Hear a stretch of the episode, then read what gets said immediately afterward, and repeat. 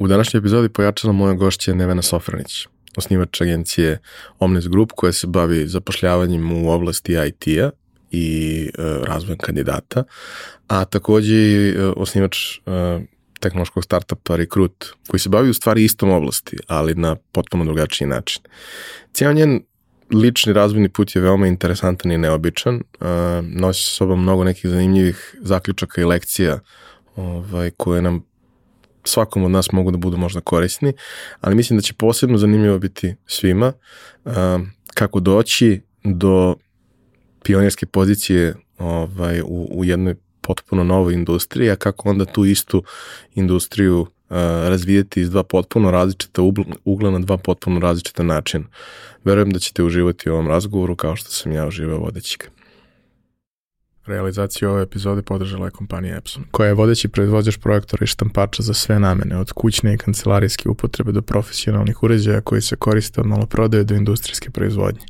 Već 20 godina u nizu proizvode najbolje projektore na svetu, a prvi štampač napravili su pre više od 50 godina.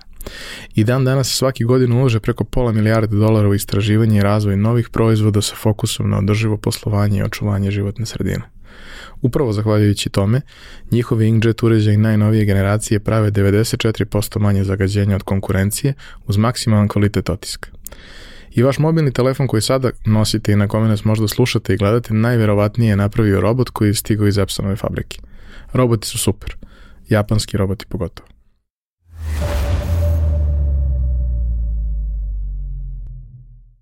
Za slučaj da želite da nas podržite vi individualno, uh, možete da posetite link u opisu podcasta na platformi Buy Me a Coffee i tu možete kupiti mesečnu pretplatu ili jednokratno donirati neki jednost koji želite. Hvala vam unapred na tom. Nevena, dobrodošla. A, razlog zašto si ti danas ovde, mislim, razloga je mnogo, ali jedan od glavnih je što si se upustila u nekoliko zanimljivih avantura u poslu, koje nisu baš uobičajene i prilično su svaka za sebe pionirske. Uh, a posebno što imaš uh, situaciju da se u ovom trenutku baviš istim poslom iz dva potpuno različita ugla i na potpuno različit način i mislim da je to vrlo interesantno. Mi nismo u pojačalu imali previše IT priča, iako jesmo imali i njih. Zašto ih nismo imali previše? Zato što prosto ne želim da ograničavam publiku samo na ljude koji vide sebe u tehnologiji. Ja zaista smatram da to jeste budućnost i jedina opcija za, za mnoge, naročito za one koji su mlađi, ali da oni koji imaju 40 plus ili 45 plus ne treba da izgube nadu da mogu da rade i nešto zanimljivo sa svojim životom ako se ne opredele da baš da budu programeri ili nešto slično. Iako naravno u, u, u, u toj struci ima prostora za mnogo više ovaj, profila nego što su samo ti striktno inženjerski, programerski i tako dalje. Elem, ovaj, hvala ti što si došla. Uh, nadam se da ćemo da, da, da, da ispričamo jednu lepu priču, a kao i sa svim ostalima, prvo pitanje je mančmelo pitanje. Šta je stela budeš kad porasteš? Pa, hvala pre svega na pozivu. Um, biću vrlo kratak, htela sam da budem lekar. Bila sam prilično sigurna da ću biti lekar, međutim to se značajno zakomplikovalo u narednim godinama i do dan danas nije baš najjasnije šta ću biti kad poraste. Dobro, znači čekaš kao i gospodin Varga, čekaš da porasteš. Pa da, mogu, mogu tako da kažem. Ovaj, u tom nekom uh, periodu odrastanje, kad prvi put se javi ta neka ideja šta želiš da budeš, obično se javi zbog nekoga, nečega, nekog dobrog filma, neke dobre knjige ili nekog u svom okruženju ko ti je, ko ti je autoritet ili uzor. Uh, kako je to u tvom slučaju izgledalo i kako je generalno izgledala uh, taj neki period osnovne škole, srednje škole? Šta su ti bile interesovanje? Šta te je zanimalo? Da, ponaš je zanimljivo, moje, oba moja roditelja su mašinci i ja sam jarko želela da pobegnem od toga. Uh, međutim, završila sam u, u tech industriji. Mislim, ovde se vidi već da Ivr ne pada daleko od klade. Imala sam taj buntovnički moment kroz, i kroz osnovnu i kroz srednju i da nisam želela da se bavim uh, ovakvim poslovima, nisam htela u mašinstvu naročito. Dobro, od toga mogu da kažem da se negdje odaljila, mada znam dovoljno da bih mogla i time da se bavim. Hvala roditeljima. A s druge strane, um, verovala sam da kroz to svoje buntovništvo da ću se pronaći u nečemu drugom, da li je to umetnost, kroz književnost, a, da li je to slikanje, um, Tako da sam negde u srednjoj školi, školi već verovala da će to biti ili filozofija ili dizajn. Opet nisam otišla ni u jednom od ta dva smera i baš mi je dugo vremena trebalo da se pronađem u nečemu što me ispunjava. Danas tek, sada dok radim na rekrutu konkretno, mogu da kažem da, da pronalazim sebe u ovim poslovima koje trenutno obavim. Um, uvek u tim nekim, što Galeb kaže, formativnim godinama, se pojavljaju neki momenti uh, i neki ljudi koji nam upale neku lampicu koja kaže, ok, sad, iako nisam ni razmišljao o tome da bih mogao da x, y, z, možda ipak da probam, to je ono što ja često kažem, da kad imaš ljude koji vrlo očigledno nešto jako vole i do nečega im je mnogo stalo, to ne može se ignoriše. Mm -hmm. Čak i ako tebe lično to ne zanima, na neki način te povuku da to probaš. Ja sam krenuo da pišem, iako, kao što sam već mnogo puta rekao, meni majka pisala pismene radove u osnovnoj školi, u kasnijim razredima osnovne i u srednjoj sam osvajao nagrade na saveznim takmičenjima, jer sam našao neki svoj glas, a našao sam ga zašto sam imao fantastične profesore srpskog i u osnovnoj i, i, i u srednjoj, što nije baš uobičajeno kad ideš u mašinsku srednju školu, ali mi smo baš bili karakteristični po tome da smo, da smo imali profu koji je stvarno bio car i sve nas je zainteresuje, mnogo ljudi je završilo na kraju na nekim društvenim naukama, iako to niko nije očekivao. Uh, tako postoje razni trenuci, postoje razni ljudi koji u životu srećeš, nekad su to ono kao komšije, rođaci, koji te zaraze nečim što, što te interesuje. Ko su bili ti ljudi u tvom životu? Pa, iskreno da budem mama, pre svega. Mama je preduzetnica inače bila. Um, I ona je u stvari u mašinstvu je radila u uh, toplovod, odnosno uh, radi, uh, razvijali su te cevi za, za toplovod i za grenje i to je bio onako jedan jako prilično težak posao. Znaš, s druge strane videla sam i u, u nekoj ulozi koja je mom senzibilitetu bliska. Tako da mogu da kažem da je tu bila definitivno ona uzor. Kasnije me je dosta vozilo to sve što je Elon Musk radi do skoro. Sada već ne mogu da kažem da sam da je, da je to neko na koga se ugledam i kojem bih definitivno išla tim stopama, ali da, jeste mi, jeste mi bio veliki, veliki uzor. Dosta mi je inspirisalo to na način na koji on komunicira sve to što radi, a, kako ga vozi više ideja, neko sve ono što, a, na što se svodi taj uspeh njegov, a, a to su one kao da li materijalne ili one a, neke, kako da kažem, površne, površne karakteristike a, a, uspeha. Uh, već sama ta, ta ideja da si razvio nešto i da, i da, to, da to radi posao. Tako da me to kod, kod njega recimo motivisalo. Onda kasnije porasteš, znaš, i tražiš u stvari inspiraciju u različitim ljudima, znaš, i onda su to kao ljudi koji, koji srećeš, upravo ovo što si rekao, znaš, i od svih, od svih uzmeš po, nek, po neki deo, um, da li u, na način na koji komunicirate i inspiriše, da li ono što govori, da li ono čime se bavi, da li je to, znaš, postoje različite stvari koje uzimaš kao, kao delove od svih tih ljudi, kroz to se valjda formiraš i to je ono što te kroz uh, život um, inspiriše. A na kraju dana možda, možda ja najviše bih rekla da je, da je najveća motivacija i inspiracija dolazila baš iz, iz mog bliskog okruženja. Uh, to i od mame i onda ono što, što te motiviše je definitivno bilo to, to nešto u porodici. Ja, sama činjenica da u svom okruženju vidiš da neke stvari mogu, koje možda nisu uobičajene i, i nekakva opšte prihvaćena konvencija, da. to dosta pomogne da i ti shvatiš da može. Ne, neće to da uradi posao za tebe, ali nećeš da odmah odbaciš pre nego što si pokušao. Slažem se i to je ono što smo, što smo ti ja malo prekomentarisali kao zašto, kako sam krenula putem uh, IT Girls i ceo taj, i ceo taj narativ je u stvari počeo od toga što ja nisam u svom okruženju imala priliku da, da vidim da nešto nije moguće. Znaš, i onda kada sam izašla i srela žene koje, koje su, kada sam izašla iz tog svog babla, iz tog svog mehura, uh, i srela žene koje u stvari jesu nailazile na ovakve ili onakve impedimente, onda mi je, na što bio u stvari neki trigger da, da pokrenem tako nešto. Tako da se slažem s tobom u stvari da jeste da jeste to što sam videla da je nešto moguće, ono kao bilo najveća, najveća motivacija. E, prva velika odluka koju svi negde ono, donosimo u životu, možda nije prva, ali jedna od, od, od velikih za, za većinu ljudi je taj neki trenutak kad izlaziš iz srednjoškolske klupe i treba da vidiš šta ćeš sa sobom da radiš. Ovaj, mislim, kod nas, muškaraca u nekom periodu prethodnog života je to bilo da li ćeš u vojsku ili ćeš nešto da radiš sa svojim životom. Sad više vojski srećom nema, tako da je taj jedan izbor eliminisan. Jeste, kako vam je lepo sad. Da, fantastično.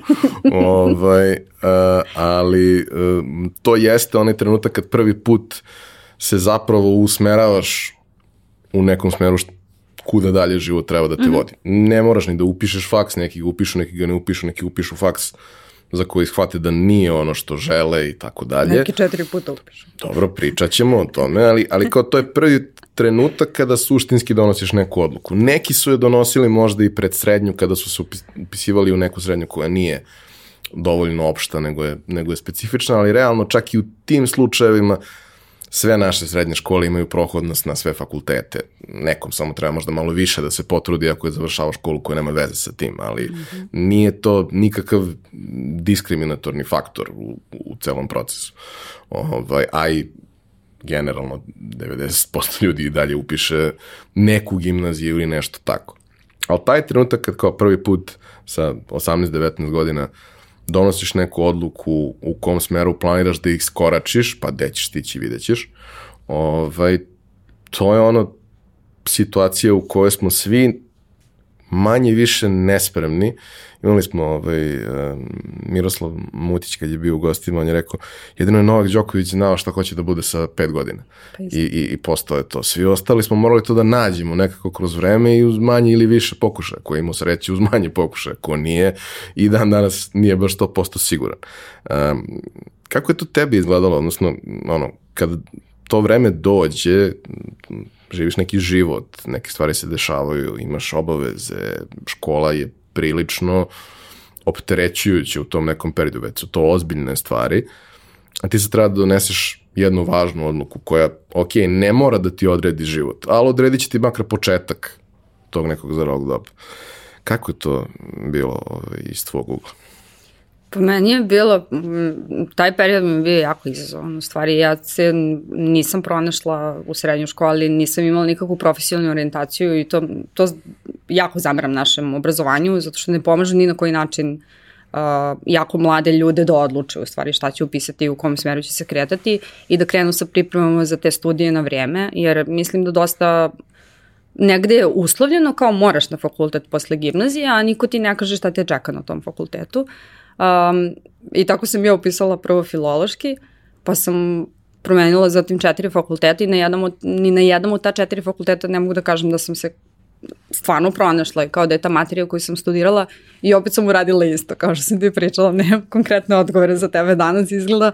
Um, sa svakog fakulteta sam pokupila po nešto što mi je bilo interesantno, ali kao jednu uh, materiju da sam imala koja mi je bila uh, a, dovoljna, u kojoj sam mogla da pronađem i svoje interesovanje i da zadovolj, zadovoljim svoju radoznalost, ne mogu da kažem da sam to našla. Znaš. Um, tako da jeste ceo taj period uh, srednje škole kada još uvek kao biramo čime ćemo se baviti, možda je tu potrebno napraviti kao korak unazad i pomoći tim uh, srednjoškolcima da, da odluče na neki način kao šta je to što prvo žele da upišu, inače će lutati ovako i završiti u HR-u koji ja.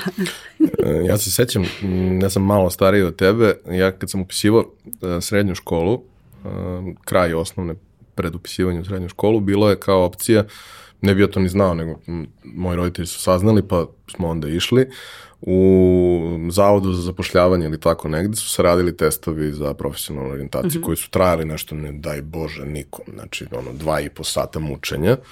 Ovaj, mislim, dva i po sata mučenja zato što sam ja došao uradio test za 20 minuta i onda sam mi rekli da ne mogu da izađem. pa je bilo užasno dosadno. To je bilo vreme kad nije bilo telefona, nego kao sediš da. kao, kao idiot i kao to je to. Međutim, uh, sećam se da, da, da iz nekog razloga dosta dece iz, iz moje generacije, iz moje osnovne škole prošlo kroz to. Nama je to bilo i fizički prilično blizu, par ulica od nas i verovatno se to razglasilo među roditeljima. Mislim da je čak bilo ili besplatno ili bilo nešto simbolično, nije uopšte mm -hmm. bilo, bilo skupo i nepristupačno. Ali se isto tako sećam da uh, to ti kaže neke sklonosti, kaže ti da ukoliko recimo, ne znam, jedna od stvari koju imaš je, imaš neke testove vida gde, gde gledaš dubinski vid, da li vidiš kako treba neke stvari koje, su, koje nisu u ravni, što je vrlo važno ako ćeš da se baviš nekim inženjerskim poslom, a u većini drugih uopšte nije bitno. Mm -hmm. Da li prosto iz nazovimo to dvodimenzionalne slike koju vidiš, možeš da utvrdiš šta se nalazi napred, šta se nalazi nazad, mm -hmm. na koji način funkcioniše odnos, imaš dva zupčanika i treba nacrtaš strelice kuda će se oni kretati. Bez obzira što nisi učio o tome, kao da li kapiraš kako to funkcioniše na nekom nivou, to je jedan deo toga, to je jedan od četiri dela testa.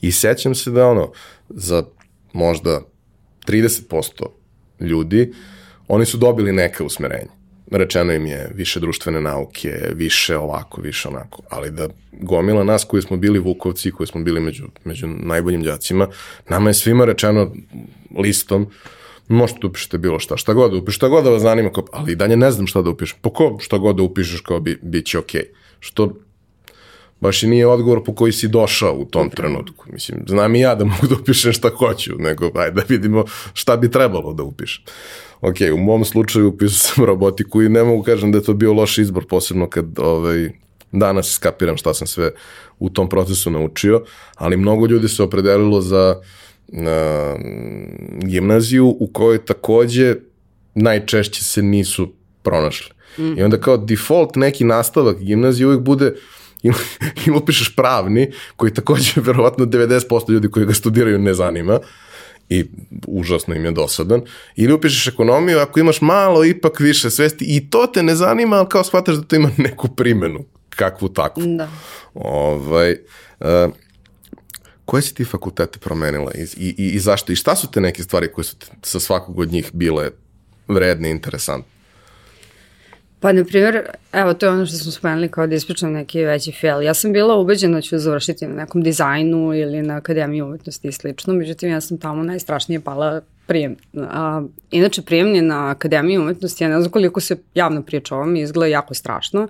A, traje sedam dana, gde si ti ispred štafelaja konstantno i recimo tokom tog prijemnu konkretno na kom sam ja bila, u toj grupi je jedna devojka prosula drugoj boju po štafelaju. Jako je konkurentno, zato što ima malo mesta na tom fakultetu i meni je, recimo, to bio onako jedno prvo šamarčina onako odrastanja, znaš, da vidim da drugi ljudi mogu da budu grozni, znaš, a između ostalog i da vidim da, eto, možda ja nisam baš dobra u nečemu u čemu sam mislila da jesam.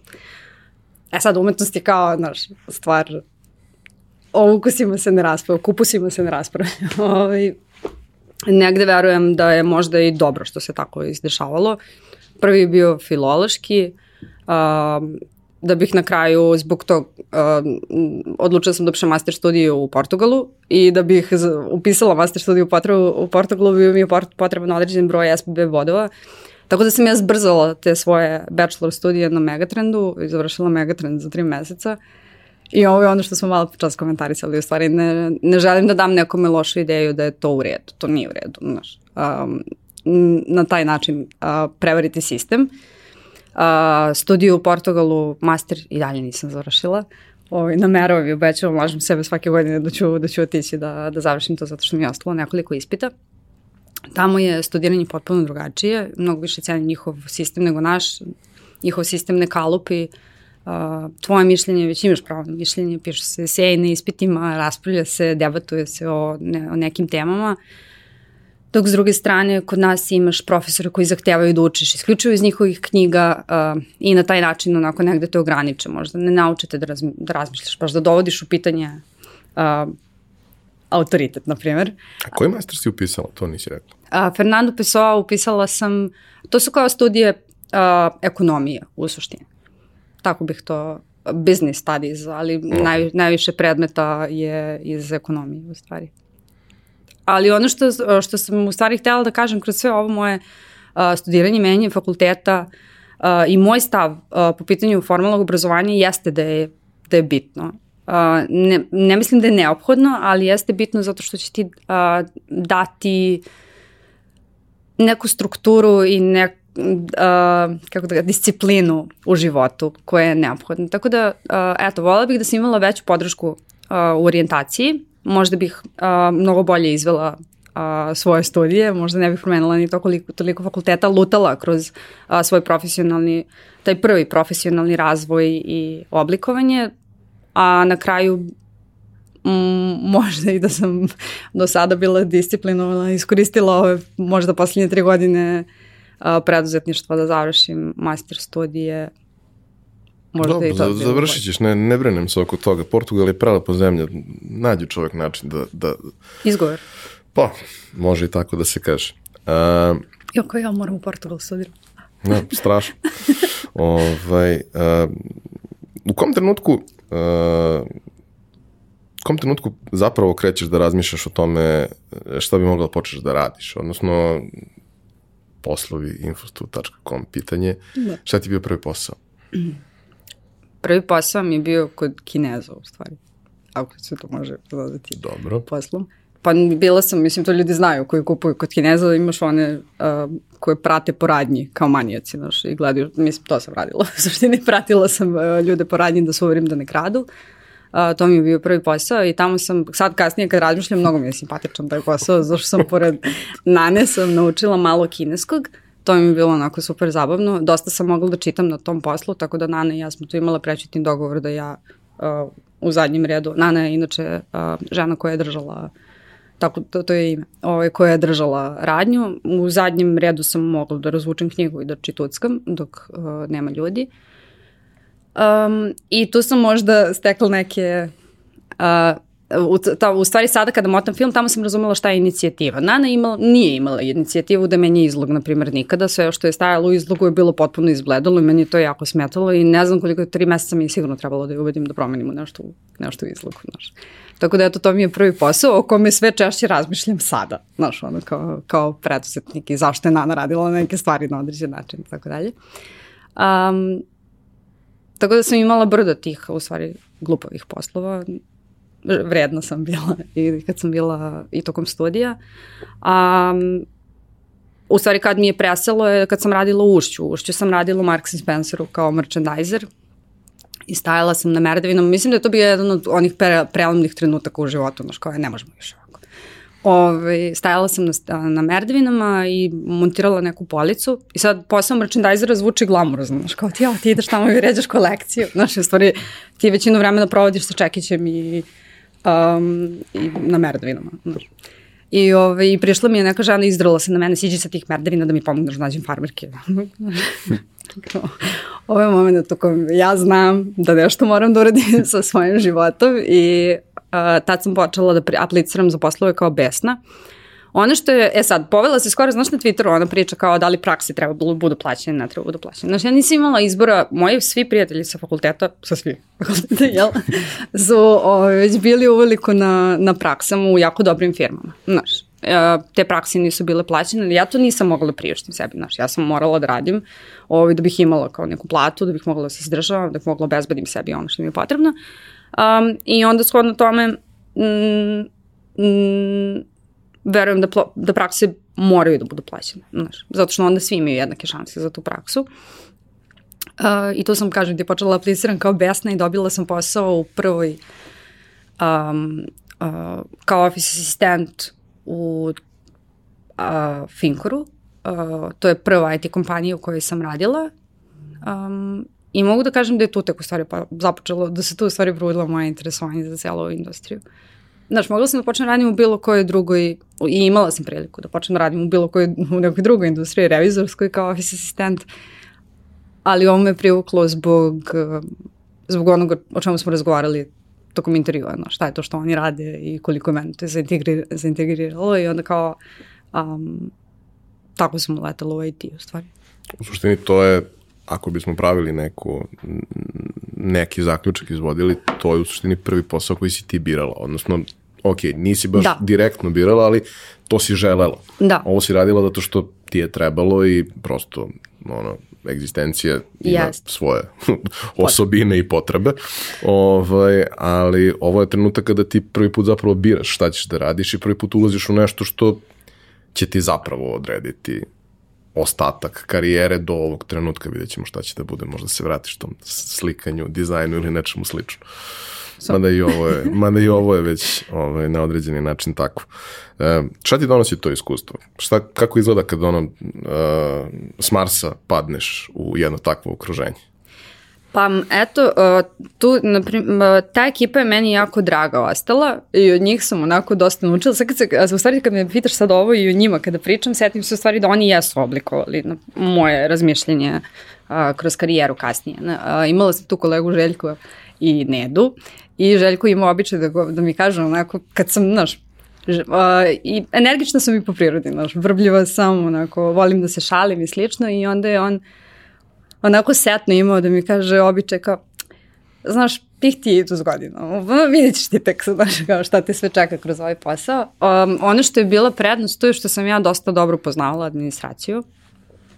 Uh, ne znam, tako se desilo kroz život da sam bila dovoljno štreber da naučim, pokupim usput. Znala sam dovoljno da mi, da mi bude da nemam, da mi nije potreban mentor recimo na, na tom, iako je to prvi posao zvaničan office asistenta, nije mi bio potrebno kao neko da me nadgleda u tom, u tom radu. Ono što je me, mene po prirodi sam radoznala i onda mi je interesovalo šta sve drugi rade, znaš, kao šta radi uh, BI, šta radi QA, šta radi, znaš, .NET i onda sam krenula u stvari da, da kopam po svemu tome i tu mi se i pružila prilika kao uh, šta biraš, znaš, kao da li biraš HR ili hoćeš da kreneš od QA-a kao da te razvijamo dalje. I možda baš ovo, ove moje osobine uh, su dovele do toga u stvari da, da odem u HR.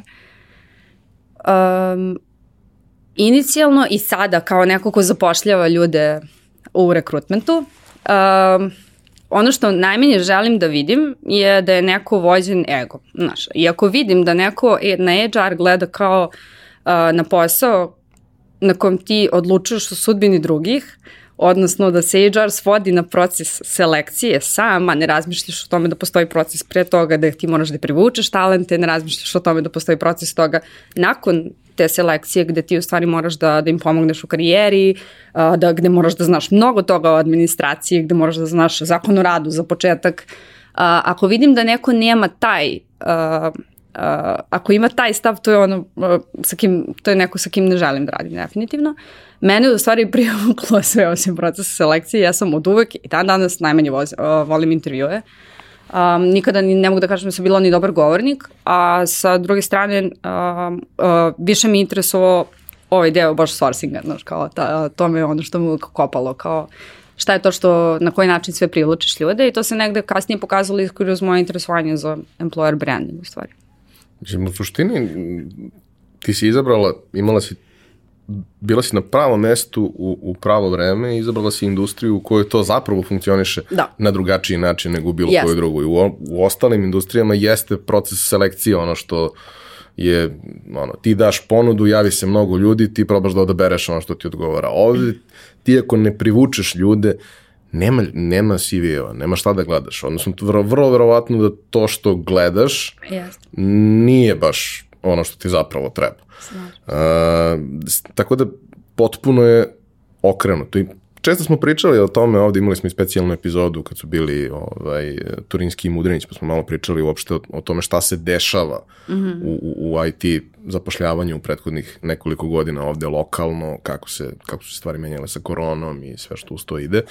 Ovaj, ali e, činjenica je da je ono, ovo stvar koja je možda, da kažemo, u posljednjih 4, 5, 6 godina, možda ne baš pre 7, 8, ali je u nekom trenutku okrenuta na glavu u odnosu na ono kako je to inače funkcionisalo. Takođe, vremenom je prilično profesionalizovana u smislu da si pre toga imao osobu koja se bavi tim delom posla koja nema ni potrebna znanja ni kvalifikacije, čak nema ni ozbiljan HR background da. da bi se bavila time, a apsolutno nema tehnička znanja da bilo šta tu razume. Nego je to bilo nekako kao ono, pridruženi posao koji radi neko ko je još u firmi za neku drugu stvar. Vremenom, kao da postoji svest o tome, odnosno, pretpostavljam da tržište diktira to da moraš malo ozbiljnije da se posvetiš tome, da moraš da se baviš time ako hoćeš da imaš neki rezultat. Ako hoćeš da imaš neki izbor, da moraš da se potrudiš da, da bi ga imao, da bi privukao te sve ljude. E sad, uh, šta je za tebe bio prvi korak u tom procesu? Um, u mom prelasku iz administracije u, u Da. ka rekrutmentu. Pa a, prvo je bilo u stvari upravljanje dokumentacijom jer to nije bilo, nije bilo nešto o čemu se posebno vodilo računa. A, odnosno, kao ajde da nađem bolji sistem za upravljanje samim tim dokumentima koje vodimo o, o kandidatima koji dolaze u naš proces. Um, imala sam uh, ono što je bilo neophodno meni u početku da savladam je u stvari terminologija i tehnologija, znaš. Uh, I to je dan danas, to je prva stvar koju, ćeš, koju novi regruteri u Omnisu uče, znaš, kao prvo moraš ovo da mi znaš kao amin, pre nego što te pustim da pričaš s bilo kime, znaš, zato što jeste stvarno bitno, znaš, ne možeš da razgovaraš sa nekim i da, mu, da radiš selekciju ili da, da pokušavaš da ga privučeš ako ne znaš dovoljno o materiji. I tu su recimo baš kolege koje sam imala u tom okruženju bile od velikog značaja zato što su bile dovoljno, dovoljno spremne da mi pomognu da razumem celu materiju uh, bez nekog tech backgrounda. I onda kada sam usvojila dovoljno, dovoljno znanja o svemu tome, uh, verujem da je negde prvi, prvi moj zadatak bio ajde kao oglasi, znaš kao to je jedan od, uh, jedan od sources of hire, kao jedan od načina privlačenja kandidata koji u ono vrijeme, to je bilo 2014. još i radio posao iskreno. Ja se sjećam da smo mi imali prijave, za, prijave kandidata, kvalifikovanih kandidata na te oglase, što mislim da je danas iskreno jako redak slučaj. O, čak sam negde iz neke metrike koju sam vadila, čini mi se da je 1,3 prosek prijava kvalifikovanih na oglase za poslu, što je skandalozno. Znači, to je kao, znači da ako si jako uspešna firma, imaš jednu dobru, dobru prijavu. Um, I kada sam, tako da bih rekla da su kao to prvi negde koraci bili kao, ajde kao da isprobam kanale akvizicije, odnosno oglase i naravno LinkedIn. A kaži mi ovaj, taj moment u kome ti e, pričaš sa, sa kolegama koji su iz tehnološke sfere gde u principu se vaše dve strane posmatraju kao biološki neprijatelji. Ne uvek, ali realno vrlo često. Uh, mnogo je lepo kada postoji razumevanje i sa njihove strane, kada postoji razumevanje i volja za, za učenjem i sa tvoje strane u ovom slučaju. To baš nije česta kombinacija, čak i ako postoji jedno, obično ne postoji drugo, ali je lepo kad se to sve poklopi, ali kao, uh, kako izgleda taj ceo proces? Znači, ljudi koji su seniori, jedan od najvećih kvaliteta koji često nose sa sobom, ne uvek, ali često nose sa sobom, je upravo ta sposobnost da prenesu znanje, da prenesu način razmišljanja, da prenesu kontekst. Ne umeju to svi. Neki ljudi samo znaju da urade to što treba, ali ne umeju da, da ti objasne ništa. Ali ima onih koji umeju i uvek je to u principu kada imaš tako nekog veliki resurs za firmu i nešto što, što može da privuče ljudi. Ali e, jedna stvar je kad to radiš sa vrlo direktnim interesom i svestan si, ja ću sad dovesti neke klince koji imaju neki talenat, sposobnosti i probat ću od njih da napravim ljude koji će mene da rasterete. To je okej, okay. to je vrlo linearno i mislim da svaki inženjer to, to razume. Ali e, ima tu jedna simpatična devojčica, sad ću ja nju da naučim, pa će ona da mi pomogne u tom procesu, to malo deluje too far-fetched.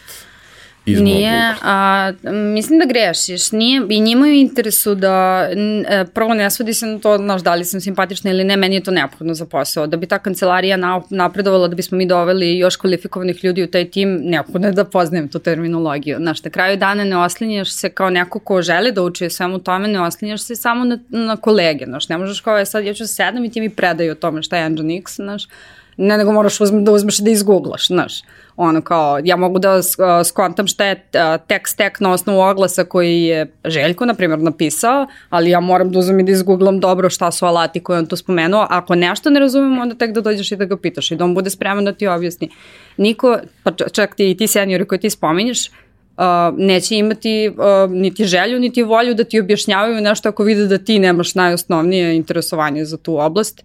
Ako vide da je imaš, ako vide da imaš inicijativu da saznaš i nešto sam, a Google je vaš najbolji prijatelj kada tek počinjete karijeru bilo koju, ne samo uh, uh, kao ovaj switch između non-tech i tech pozicija, um, onda će i oni biti spremni da pomognu. Mislim da je to... To, to mi je trebalo. A Da. e, zašto to kažem? E, ta pozicija u kojoj si ti, odnosno mm. to gde oni treba, treba da, pomognu, to ima savršeno biznis smisla. Mm -hmm. Ljudi koji se bave tehnologijom generalno nemaju biznis smisla. Vrlo redko oni razumeju taj deo priče. Ima ih, naravno, da. ali to nije baš linearno povezano jedno sa drugim. Oni koji imaju, sjajno. Većina njih, ono na što možeš da se osloniš je da on zna svoj deo tehnologije, inženjering, da zna kako treba. Da. A neko drugi će od toga da napravi biznis ako to sve bude kako valje. Mm -hmm. Zato kažem, teško je napraviti tu sponu, nije nemoguće. Možeš ti da objasniš nekome da je njemu u interesu da se iscima, da je celom kolektivu u interesu, samo prosto nije to baš tako, tako prosto postaviti i mislim da taj moment gde ti pokažeš svoju ličnu inicijativu, da naučiš, pa ti treba neko ko će da ti pomogne da rešiš problemčić, da premostiš, a ti si već došao i uradio 80% posla i treba ti neko premostiš još 5 da bi završila svih 100, da, da je to ono gde, gde stari ljudi i seniori dobro reaguju, znaš kao, e, ovaj neko se cima, neće mi biti teško. Da, da. Biće mi teško možda, možda sam u haosu i sve to, ali kao e, sutra ću imati pola sata vremena, pa ćemo da sednemo, pa ćemo da prođemo, pa ću da ti objasnim. Pa da, pa, pa da, jasno, na to se svadi. Nije samo ni to, znaš, ima i taj moment, uh, ovo što si spomenuo, ja verujem da oni imaju motivaciju interno da, uh, da pomognu svojim kolegama koji nisu, znaš, kao ako pričamo konkretno tek industriji, sada ja sam najviše naučila iskreno od inženjera. Sad ti, mi kažem, ovi bili su dovoljno, ne znam na osnovu čega da, ali ja sam uvek bila radoznala i možda sam bila i dovoljno dosadna da oni meni pomognu da usvojim to znanje, znaš, možda je do toga koliko si prodoran, ali uh, verujem da je ipak i do toga da je postojala, postoje neki zajednički cilj u svemu tome, makar u toj ekipi prvoj o kojoj sam pričala, a to je da kao ajde treba da dovedemo još ljudi, treba da dovedemo još kolega i svi smo bili uzbuđeni zbog toga, znaš, i onda kao no, neko ko se bavi time treba mu pomoć, znaš, kao možda je to kao bio taj neki zajednički oruk, znaš, ovaj, Ok, i sad da. imaš tu situaciju da si ti osposobljena za to što ti treba. Na početku, ajde, ne, možda ne baš onoliko koliko bi želela i koliko je potrebno, ali nisi više mm -hmm. uh, neko eksterni, nego si ipak uh, jedna od ljudi koji, koji su deo, da kažemo, tog dela firme. Uh, šta sve postoji još u tom procesu? Pomenula si to na, na početku, ali nismo se bavili dalje time. Šta sve još postoji u tom procesu, a da mi često to zanemarujemo? Šta su sve bitne stvari, osim činjenice da li neko zna da radi to što treba da radi? Mm, mm -hmm. Dobro, da, pričali smo znači, o ovom privlačenju kandidata, uh, kao ajde neka to bude prvi korak, u stvari koji kanali akvizicije postoje, znaš, kao prvo moraš da budeš upoznat sa svime time, znaš, jer uh, uh, meni je jako žao što se HR u Srbiji i u svetu postoji jedan grozan izraz, a to je poaching. A, tako se naziva, znaš, ova industrija, više volim da me zovu headhunter, znaš, kao bolje da budem lovac na glave nego, o, nego su užasne, ali okej. Okay. pa iskreno. Ove, ali za, a, a, na to se svela, nažalost, industrija, znaš, a, zato što niko negde u, u celom ovom histeričnom okruženju tek industrije i to ne samo lokalno, no što je sad na globalnom nivou već tako, pogotovo sada kako je remote uh, postao mainstream, a, a, kompletna ludnica na tržištu rada. Um, I onda je potrebno pre svega poznavati kao načine uh, privlačenja talenata. Sada šta je ono što, uh, zavisno od toga kako je tržište trenutno, naš postoje i određene varijable na osnovu kojih talenti procenjuju da li će, uh, uh, da li žele uopšte da razmišljaju u smeru naš, kao promene posla i sada ja sam nedavno počela da pravim te neke mape uma koje koristimo za treninge uh, u, u Omnisu, a između ostalog planiram da ih distribuiram kao sadržaj za rekrutir jeli, moramo da recikliramo sve što imamo. Ove, ovaj, Uh, I onda kroz te mape ume sam kao definisala i neke na, kao razloge zbog kojih ljudi menjaju poslove najčešće, kao što su najčešći motivatori. Znaš. I onda kada poznaješ, ako poznaješ dovoljno tržište i sada kao ti znaš što su ti kanali akvizicije, uh, znaš motivatore zbog kojih uh, ljudi menjaju poslove, onda možeš da poznaješ i tržište dovoljno da bi znao gde tražiš te ljude i na koji način ih targetiraš. Uh, sada već Uh, postoje i spona, spona digitalnog marketinga i uh, rekrutmenta. Naš više uh, sve te pozicije u rekrutmentu postaju prilično hibridne i to je jedan od izazova na koji nalazimo u Omnesu trenutno je kako da nazovemo te neke pozicije koje generalno ne postoje, a ljudi iz Omnesa su počeli da se bave tim stvarima, pa izmišljamo nazive. Ovaj, um, tako da verujem da i taj prvi deo onako dosta je obiman, znaš, da bi se, da bi se preskočio. Kao, evo, sad idemo na selekciju, znaš. Selekcija je u stvari, uh, sele, u selekciji je neophodno uh, definisati jako dobar candidate experience, odnosno iskustvo uh, kandidata koji prolaze taj proces sa kompanijom, dosta se oslanja i na, ako i pričamo i o internim i eksternim rekruterima, dosta se oslanja na taj prvi i poslednji utisak o procesu. Uh, tako da je uh, taj moment customer uh, customer oriented uh, uh, hiring menadžera u stvari mnogo bitan u tom delu i onda na kraju kroz onboarding, uh, uh, razvoj zaposlenih i dalje kroz administraciju i njihov well-being, u stvari tu možemo da kažemo se zaokružuje HR, znaš, kao takav. Ovaj prvi deo uh, akvizicije i selekcije kandidata, to je samo rekrutment.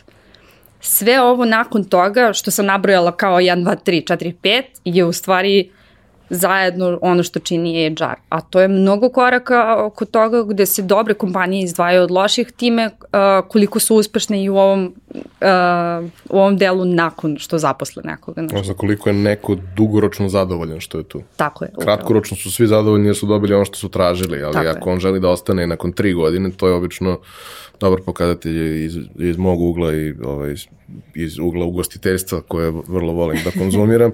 Ako neki objekat ima iste konobare 10 godina, taj objekat je dobar. Ne vidiš, to je u stvari nešto o tome.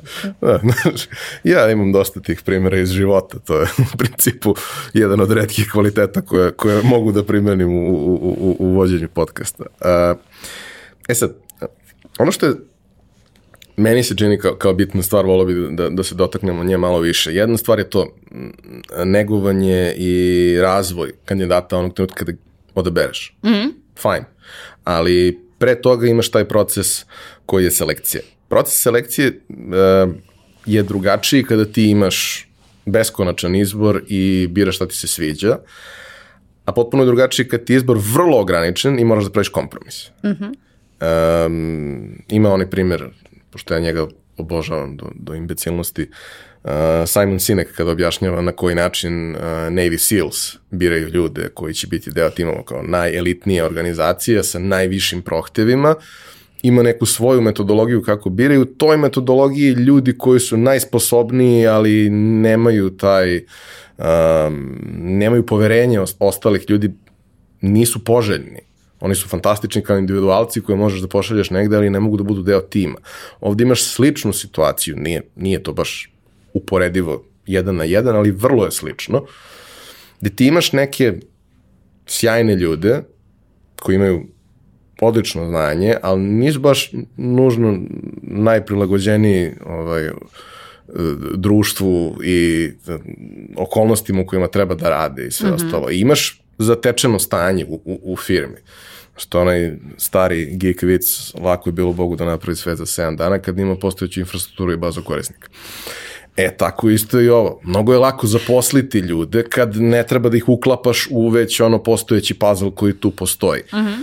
Mnogo stvari moraš da uzmeš u obzir koje na nekom poslu gde to nije važno i gde je ta osoba, koliko god to zvučalo brutalno, ali zamenjiva, jer kao magacioner je zamenjiv, mhm. -huh. ovaj, neko ko treba da bude deo tima koji razvija važan proizvod i treba da bude bitan deo toga sa ozbiljnom platom, sa ozbiljnim odgovornostima, ne može da se selektuje na isti način na koji bi selektovao ovo drugo. E sad, uh, kako to izgleda u praksi? Mislim, i to se menjalo kroz vreme. Rekla si da su se stvari dosta promenile, da pre 7-8 godina si ti zapravo na objavljen oglas mogu da dobiješ neke ok kandidate. Sad moraš da ih juriš. Mm -hmm šta se dešava kad juriš nekog za koga se ispostavi da ti nije uopšte ono što ti treba. Ne to, ali kao kako, koji su kriterijumi koje uzimaš u obzir, o čemu moraš da razmišljaš, koji su koraci tog procesa, nisu oni uvek isti, ali šta su neke stvari koje tu treba da uzmeš u obzir, jer kao jedna stvar je znanje. Mm -hmm. Ok, ono je potreban, ali ne i dovoljan razlog, a vrlo često su ljudi spremni da ono, kažu, ok, možda on ne zna, ali može da nauči, spreman sam da rizikujem sa nekim ko je takav ako mislim da je stvarno osoba koja će da, da, da da sve od sebe.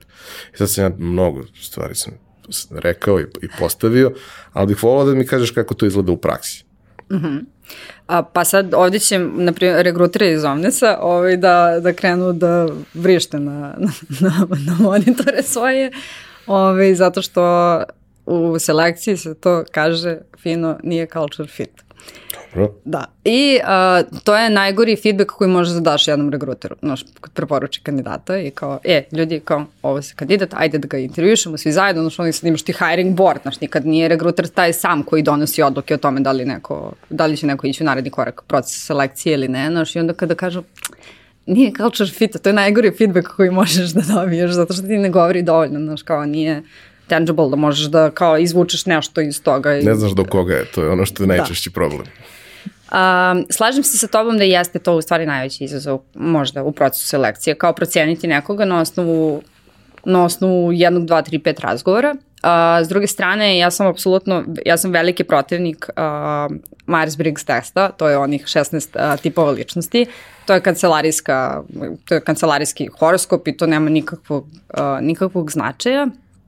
Ono što, čime se služimo najviše kroz uh, selekciju i da se uverimo da, kao, da će neko biti fit za tim za koji zapošljavamo, je, su u stvari behavioralna pitanja, no što kao na osnovu tvojih pređašnjih iskustava, hipotetička pitanja o tome kako bi se ti postavio u nekoj situaciji. Znaš, evo, nedavno smo postavljali pitanje, na primjer, mogu ti postaviti pitanje? Slobodno. Uh, kada bi došao, um, recimo, ne znam, dođe neko random u, u, kod vas u firmu i pitate, pitate za, nje, za a, devojačko prezime tvoje koleginice, jel bi, jel bi rekao to prezime? Da, a zašto? Security. Dobro, da. A, to je onako kratak sažet odgovor. Ljudi se uglavnom zbune kad ih pitam ko čekaj, pa je luda to, znaš, ono kao pa imaju šest pitanja na sve to. Ove, ovaj, a, ono što je bitno razumeti kroz sva ta pitanja je u stvari da nekada nisu čak ni trik, nekada samo hoću da te, znaš, opustim u razgovoru, hoću da vidim da li, da li će... Stvari koje mogu da budu security pitanja na mailovima, bankovnim računima i svem ostalim ne govorim. Govorim ime prvog ljubimca, prvog automobila, nastavnice, devojačko prezime moje majke i sve ostalo. Ne govorim, ne pišem nigde javno, da. pusti ti sve ostalo. Da, jeste, to je za, dobro, makar za tek zajednicu je to karakteristično da smo svi paranoje kad su te stvari u pitanju. Ma. Uh, da, ali, uh, znaš, postoje behavioralne pitanja na, koje, na osnovu kojih možeš da, da doneseš neke zaključke. Znaš, niko ti ne garantuje na kraju dana da li ćeš ti imati HR ili miss HR. Znaš, vodiš se nekim načelima svoje organizacije, vodiš se kao kulture koju ste razvijali u firmi i vidiš da li se neko uklapao, da li veruju u to što o čemu ste pričali, na primjer možemo ti ja da pričamo sada o obrazovanju, znaš, kao što smo pričali malo pre o tome da li je formalno obrazovanje u Srbiji dobro, nije dobro, znaš, i na osnovu toga da vidimo da li se slažemo po nekim pitanjima vezano za to da li treba da radimo zajedno uopšte na nečemu, znaš. Um, Tako da se stvari svodi na razgovor i na sporazum dvoje on, ljudi koji imaju neka, neke zajedničke interese i na tom razgovoru treba da se u stvari desi da se interesi pomire. Znaš. Ako se tako pristupa procesu selekcije, a ne kao ako obe strane pristupe procesu selekcije na taj način da mirimo interese na ovom razgovoru, znaš, onda će taj razgovor teći i prirodniji, imaće nekog, uh, nekog smisla i kao sada da postoje detaljni kriterijumi uh, uh, samog ocenjivanja kandidata, naravno da postoje, znaš, ono kao, uh, osim ovoga što si rekao, znanja, a ovaj drugi deo je uh, prosto, prosto se više na, na psihologiju, ja verujem. Ok, ali, ali, ali taj moment gde moraš da napraviš izbor koji nije idealan, uh Mhm. -huh. oko čega praviš kompromis više. Zavisi verovatno od, Zavisi od klijenta od do klijenta, da. ali najčešće. Pa ja bih lično pravila, ja volim, uh, volim razlike, znaš, ja jako poštujem razlike među ljudima. Zašto se smiješ? Zato što smo imali svađu na LinkedInu, ali ok, nije važno. ti i ja ili, Ti ili i ja, ti i ja. Uh, da, pa uh, kako misliš? Pa, Voliš kako- svađe sa ljudima koji su različiti. Šalim se, šalim se, šalim se. Ne, uh, čekaj, nisam razumela ovo, ali u svakom slučaju kada kažem uh, volim razlike, uh, mislim na volim razlike među ljudima, poštujem ih, znaš, kao različitosti, različitosti među, uh, među ljudima. I onda verujem da bih ja napravila ustupak na kao taj neki culture fit na osnovu kom, ono, hard kompetencija. Znaš, ako ti dobro radiš svoj posao, ali nećeš sa mnom da provodiš subotu na Adi, tako što ćemo kuti kotlić, it's your thing, znaš, ono, kao meni je to okej, okay, znaš. Ove, tako da bih ja definitivno kao poslodavac bila neko ko stavlja hard, hard skillove, uh, to jest veštine uh, u prednost u odnosu na one meke. A koliko je bitan kriterijum to da li je kandidat nešto što bi nazvali high potential, odnosno neko ko, ok, sada trenutno nema previše znanja, ali ako pogledaš da je ovo dokle je stigao, stigao za šest meseci, što je onako prilično wow, da. ko zna gde može da bude za šest meseci ili godinu dana. Da. Koliko se takve stvari uopšte uzimaju u obzir? Naravno, zavisi, nekada zapošljivaš ljude koji ti trebaju da zakrpiš ozbiljan mm. problem koji imaš i nemaš prostora da, da nekog čekaš šest mm -hmm. meseci, ali pričamo generalno, pričamo mm -hmm. o nekom velikom uzorku koji imaš. Mm -hmm. Mislim da se ja, uprko svemu i dalje, znaš šta, šta se svodi? Uh, ti pitaš nekoga ko radi ekstremno zapošljavanje, znaš, i onda kada, kada uh, kompanije već dođu kod nas, uh, znači, znači već očajni. pa nisu očajne, ne mogu da kažem baš tako, zato što uh, ipak Omnis ima uh, dugoročne odnose sa, sa jako dobrim pulom kandidata, znaš. Um, jedino za, za što je ono meni najteže padalo su pen testeri. Znaš, ono, sa pen testerima je ekstremno teško raditi, ne postoje na tržištu, znaš, i na kraju dana uh, onih par kojih koje poznajemo, moram da ih jurim po kafanama u Zemunu, jel da bih došla do njih. Ove, I onda, naš, sa jedne strane, uh, ne mislim da je poslodavci koji dođu kod nas znaju da imamo i takav pool kandidata ili su to high profile kandidati koji, do kojih je jako teško doći, naš, ili je to talent pool kandidata koji vole da rade sa predstavnicima kao što su Omnis regruteri, znaš, to je već došlo sad da tu postoji ona futbalska analogija koja se prožima kroz ovu industriju, negde mogu da kažem da sam saglasna sa njom, znaš, ako već imaš svog omnis regrutera, to već, naš, predstavlja, predstavlja situaciju kao uh, ovo je neko ko će mi pomoći da razumem da li je ova ponuda dobra za mene ili ne. Znaš. Tako da ne bih rekla da su očajne, ali znaju uh, znaju da možemo da im pomognemo na tim pozicijama, ali tada već insistiraju na tome da to budu um, i jedno i drugo, i culture match i, i, uh, i hard veštine. Sada, šta vidim na tržištu kao neko koji je objektivan prosmatrač i to je ono što ja najviše volim u svom poslu, znaš, Ja sam i u ulozi poslodavca i u ulozi sam kao konsultanta koji pomaže tim kompanijama, ali u stvari i u obe te uloge kad se spoje, ja sam u jednoj objektivnoj uh, ulozi koja posmatra tržište i šta se dešava na njemu, znaš, i onda iz, iz toga u stvari zaključujem najčešće da će kompanija uvijek predati uh, da će im biti kompromis ako pristaju na ovo drugo rešenje, ako ne dobiju ni jedno i drugo. Znaš, ako nije hard yes, onda je maybe je već loše, znaš. Imam utisak takav od Dobro, kompanije. To, to nije ishod koji bilo ko želi, ali pa da. nekad moraš da ga prihvatiš jer prosto drugi izbor nemaš. Pa... Ako me pitaš da li pristaju na kompromise, da. To smatraju kompromisom. Ja u tome naš neke kompanije, on zdrave, ne, neko bolje tržište, zdravije tržište bi to videlo kao priliku, kao uf, ovo su talentovani ljudi koji treba doći naš oblikovati prema našim potrebama i kao ono, i dobit ćemo mašine, malte ne u timu naš, ali a, dosta to novca iziskuje i dosta vremena, vremena da vremena, da. Obično kod nas vremena nema za, za takve stvari. Dobro, uh, pominješ Omnes, mm. pomenuli smo ga i na početku i to je tvoje prvo preduzetničko čedo. Da. Ovaj, ali nismo pomenuli otkud uopšte Omnes i kad je nastao i kako je nastao i mm. kako se razvijao. Mm -hmm. Ajmo za početak, kad je nastao i zašto? Pa ja sam zvanično kao krstila. Inače, misle se, Omnis je preduzetnička agencija koju sam u ono vreme kada smo svi radili kao paušalci, jel, ove, samo nasledila uh, dalje u, kada sam počela i samostalno da radim. Dakle, ja sam bila zaposlena kroz svoju paušalnu agenciju i onda sam nastavila da radim uh, sa tom paušalnom agencijom i samostalno. Uh, I u stvari kada sam prepoznala da na, na tržištu nedostaje neko ko će stvarno uh, nedostaje, prvo nedostaje tek rekrutment agencija koja je specializovana za tu oblast um, i druga stvar, svi rade sve pogrešno, znaš. Um, ja, mislim, stvarno ovo grozno zvuči, ali u ono ali vreme, da, 2015. kad sam ja kao postala preduzetnik, u stvari je samo trebalo da bude malo pametnije od ostalih, znaš. Um, I da ovaj moment do kog smo sada došli, da ja oblikujem i naše, to jest Đole i ja oblikujemo naše regrutere tako da uh, oni mogu da predstavljaju te kandidate i njihove interese i da mire te interese sa kompanijskim interesima i tako dalje. To je ono, to je prva stvar koju sam uradila. Znaš, on, kao imala sam svoj talent pool, imala sam uh, ono, ljudi koje sam poznavala, znaš, i počela sam polako da kucam na vrata. ja sam ja, uh, jako prodorna, u tom smislu mislim, ne bi, kao sorcer ne bih mogla da budem drugačija, jeli? Uh, tako da su prvi poslovi u stvari koje sam imala prvi cilj mi je bio da ja uh, uh, ostvarim neto zaradu koju sam imala kao platu pre toga. I onda su to bila prva tri RPO ugovora, to RPO je rekrutni proces outsourcing, da sam ja u stvari uh, sorsovala za te kompanije za, za 300 evra mesečno svake. Imala sam tri, imala sam 900 evra mesečno puno kap, da pokrijem račune.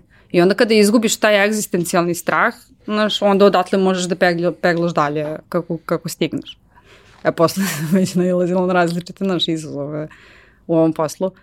Um, ali eto, tako je nastalo. A kako je taj ono, prvi korak te prve tri firme? Ok, na, nađeš ih ti i dobiješ nekakav, postigneš nekakav dogovor sa njima šta je to što, što su ti ciljevi. Šta radiš onda? Kako Kada, to izgleda? jo, da. Uh, pa, e, sada, vidiš, ja taj deo nisam znala dobro, znaš, ja u onom vreme, u onom vreme kada sam počinjala da sam imala nekog mentora koji je, znaš, korak uz mene pratio sve što radim, da je mogu samo s vremena na vreme da mi, znaš, ili da mi malo, znaš, ko po glavi, ili da mi da neke uputstva, znaš, šta radim pogrešno. Na primjer, meni je prvi sajt evo, znaš, klasičan primjer greške preduzetnika. Što meni prvi sajt nije bio WordPress? Meni nikad neće biti jasno što sam ja kodirala, to sačuva me, bože, četiri meseca, ono, sve custom u nodu. Mislim, strašno. I, znaš, sada kada motam taj film, da je neko mogao da mi sugeriše sve to, znaš, uh, možda bih mnogo brže napredovala. Ne znam šta je prva stvar koju sam uradila, ne, možda nisam razumela pitanje, ali kad smo... Kako izgledate proti šta znači biti nečiji outsource za to. Šta ti radiš za njih mm. i koliko se cimaš u suštini za, za taj neki retainer mm -hmm. koji imaš. Da. A, svodi se na to da ja distribuiram priču o, o toj poziciji svom talent poolu, odnosno da se dopisujem po ceo dan s ljudima da ih cimam. Kao, je, mislim da bi tebi ovo leglo zato što si uh, uh, iskazao interesovanje za ne znam nija šta. Znaš. Um, I u stvari na to, na to sam uvek gađala i to je ono po, po čemu sam ja možda bila kao prosečno, nadprosečno uspešan regruter. Imala sam jako dobre metrike, time mogu da se pohvalim, a to je što sam ja samo slušala ljudi i šta su njihove interesovanja. I na to sam i gađala kao PHP-ovci u jednom momentu kad su masovno krenuli da prelaze na Node.js, na što je bilo vrlo uh, vrlo vidljiv, znaš, i onda znam kao ovo će te zainteresovati. Ovde imaš priliku da pređeš u Node.js i onda naravno da će, da će i pristati. Tako Taj moment gde on kao skapiraš da, da su gomila ljudi napravila razne nekakve toolove koji ti omogućavaju da personalizuješ to što pišeš, iako je automatski. Da. Uh, i dalje je ta personalizacija najčešće na nivou toga da ubaciš ime. I tu se otprilike završava da, sve. Generalno je to baš ono, basic, basic, basic i mm, svodi se na takozvanu penetraciju pornošću. Ovaj, a onog trenutka kad se iscimaš, jeste to potrošeno mnogo više resursa, ali kad se iscimaš i stvarno personalizuješ ono što pišeš, da ta osoba koja pročita i svedeš to da ne bude kilometar, nego da bude baš ono što treba u glavu osobi koja kao procenat uspešnosti je neminovno mnogo veći i ne moraš da pokriješ 5000 ljudi da bi dobio 20 odgovora, nego na 60 ljudi ćeš dobiti 20 odgovora. Pa da. To Mislim, znači to... malo raditi pametnije, a ne, ne e, samo pa to, teže. To je to što sam, što sam rekla. Pa možda je trebalo samo da bude malo pametnije od prosečnog tržišta u Srbiji, gde su se masovno slale copy-paste poruke bez imena, gde se ti imao tad ime, znaš. Ili uh, I to je i dovoljno da slušaš feedback svojih kolega, znaš, i u firmama koje sam radila, kad čujem od njih, joko, ja gledao, copy paste, ovo mi četvrti put šalje poruku kako ne znam da me već cimala, znaš, takve komentare, ako, ako ih čuješ i onda primeniš, znaš, uh, u svom radu, pa ja to možda kao...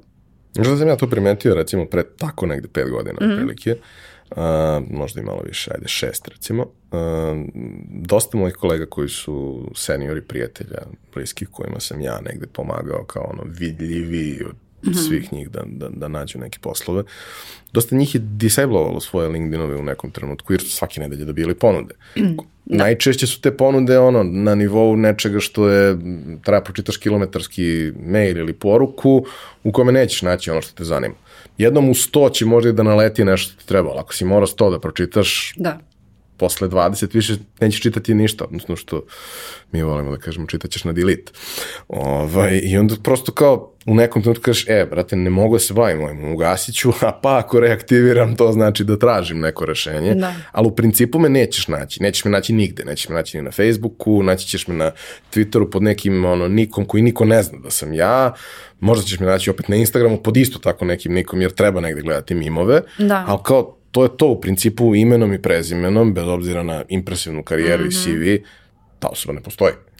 Pa e, pa to ti kažem, znači ono kao regruter, zadatak ti je prvo da izgradiš svoj talent pool. Ja ako se kao regruter oslanjam samo na LinkedIn, znaš, nisam neki regruter iskreno. Mm, ja sam ne znam, spamer onda samo, znaš, ali ako imaš, ako imaš svoj talent pool, pool i ako se ti ljudi, a dešava mi se, znaš, ja ih vidim po Twitteru, vidim ih po Facebooku sa njihovim pseudonimima smešnim, onako, vole da mi signaliziraju ko je nekom zajedničkom forum, nekom forum s intervjua, a moja, moja glava sve manje pamti, iskreno. I onda me onako nekada izbune tim svojim, uh, svim, kao svojim javljanjima, znaš.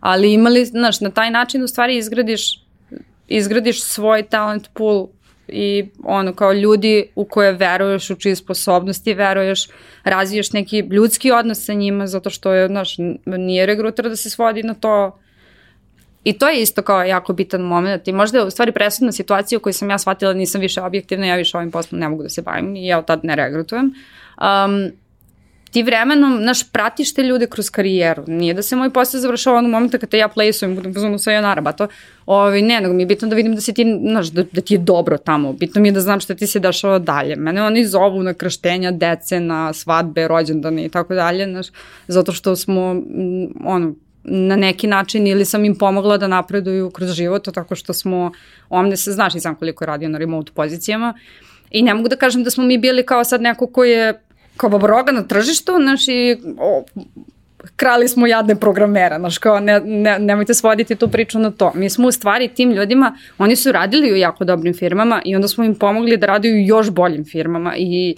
da imaju još bolje uslove rada i da, znaš, ostvare neke Najčešće svoje... da rade na zanimljivim stvarima, što je svakom od njih. Upravo, e, to, upravo.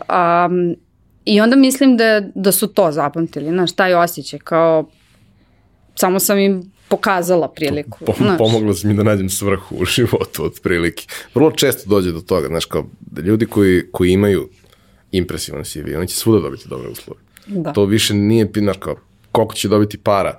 Pa na svakom mestu će dobiti više para nego što mu je potrebno za život. Jeste. Svakako. Ali on će izabrati da radi za 30% manje novca ako će da radi nešto zbog čega neće da se osjeća kao idiot. Tako je.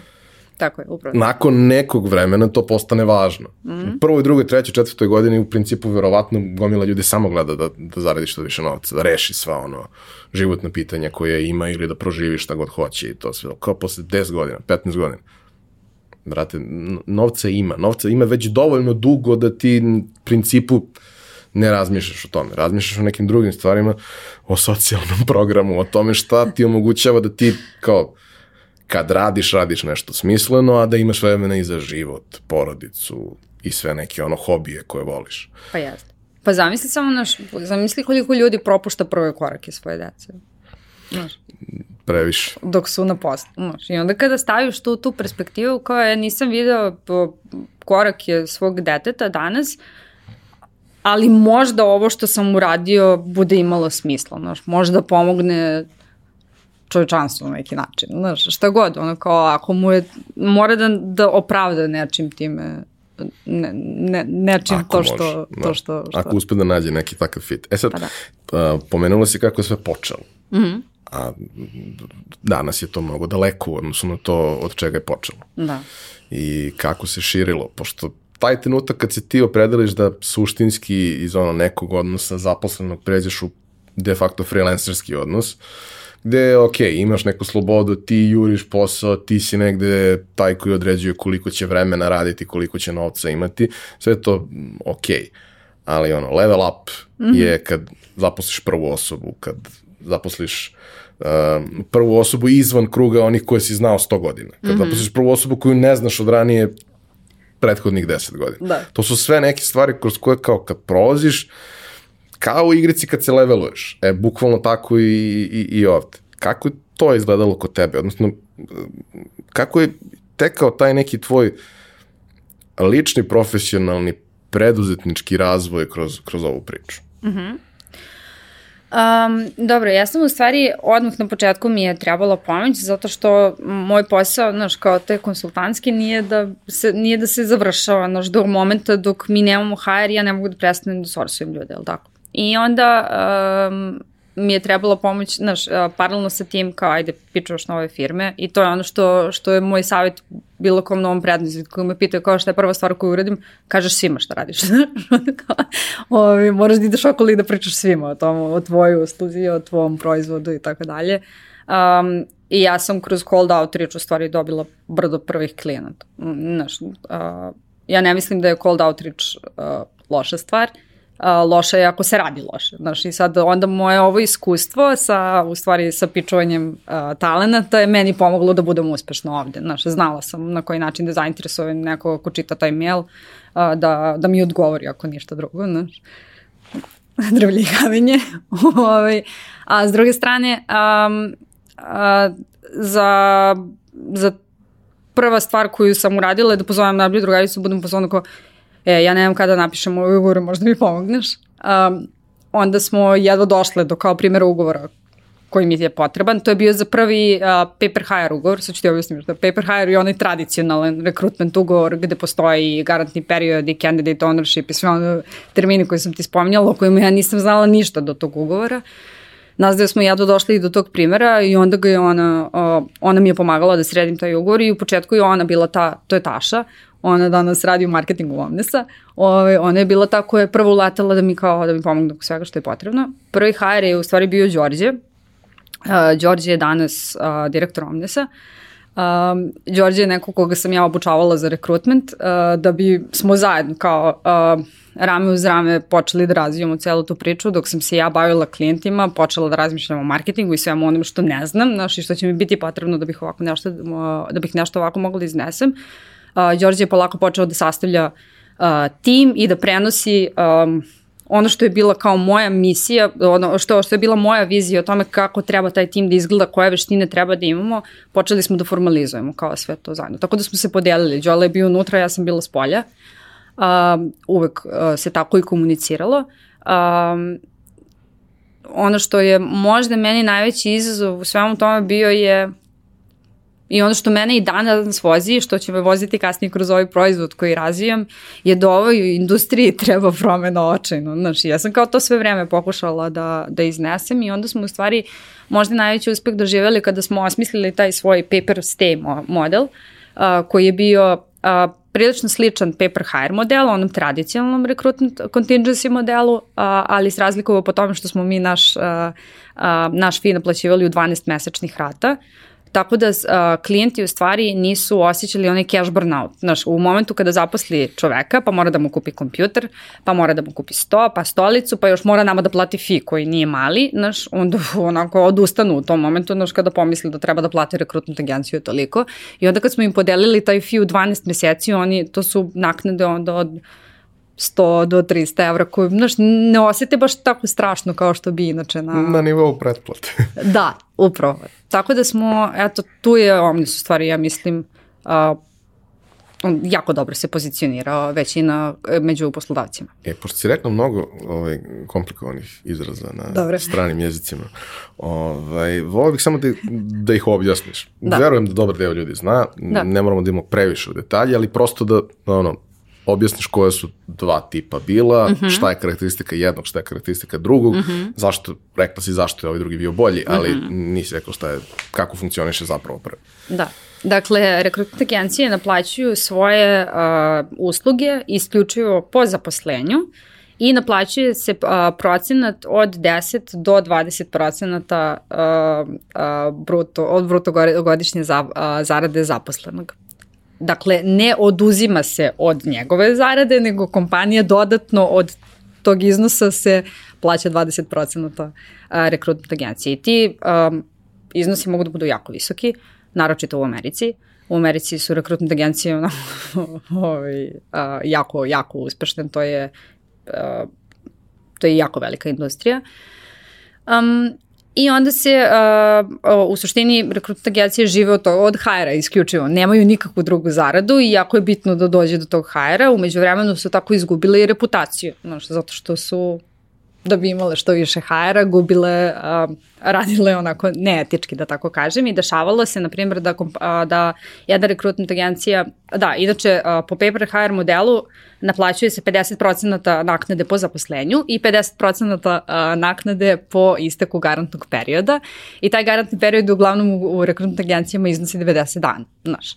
Kao, uh, mi garantujemo da će ovaj kandidat biti 90 dana kod vas, što je onako prilično absurdno jer, znaš, uh, mogu da se dese različite stvari kao i za tri meseca, tri meseca će sigurno biti tu, posle toga već niko više ne garantuje, znaš, da će, da će biti. I onda su one to počele da koriste. Znaš, počeli su kao tri meseca bude tu, pa je za tri, kao sledeće tri meseca pošalju kandidata negde dalje i tako dalje, onda naplate tog jednog kandidata po dva, znaš, onda koliko, tri, četiri puta u toku godine, znaš. I tako su rekrutne agencije izgubile na, na poverenju i onda smo se mi pojavili sa modelom koji im garantuje da, da će najmanje godinu dana čovjek biti tu i u momentu, u slučaju da u tih godinu dana prestane da, da radi kod njih u firmi, mi prestajemo da naplaćujemo, ko to sve pošteno, znaš. I njima se to mnogo svidalo jer kao novi smo, nemaju poverenja ni inače u rekrutna agencija, kamo li neku nevenu koja se pojavila s Omnisom tu, znaš, ovaj, tako da je meni to bio value proposition uh, u prodaju, znaš, kao, ja vam garantujem. Nije loše ni za cash flow. Nije loše ni za cash flow, da. Ove, tako da, eto, uh, po tome smo se mi diferencirali. A, u kom trenutku i na koji način je, da kažem, napravljena podela posla u smislu lokalno tržište i izvan lokalnog tržišta. Dosta ste radili remote pozicije, sad ih radite, sada to ima još više smisla i mnogo je lepo kad se ti baviš nečim pre nego što je to cool, pa onda to postane cool, a ti si jedan od najboljih koji se time bave. Mm. Ali prosto ono, kako se taj deo priče razvijao, kako se razvijao sam model rada i publika s kojom se obraćate. Da. E vidiš, to su, često su me pitali kao li imate outsourcing firmu, mi nikad, znaš, ono, kao, nismo imali outsourcing, niti je to smer u kome, kome sam ja htela da se Omnis razvija, znaš, ovaj, i, ali smo imali upite takve i onda smo mi u stvari kogod da nas je pitao kao da li vi možete zaposliti čoveka kod sebe u kancelariji, mi kao mi možemo da dedikujemo sto gde on koji on može da koristi kako god vi hoćete, ali kao to je vaš zaposlen i on radi remote. Mi smo u stvari edukovali gomilu tech firmi iz Amerike o tom, o remote načinu rada. Znaš.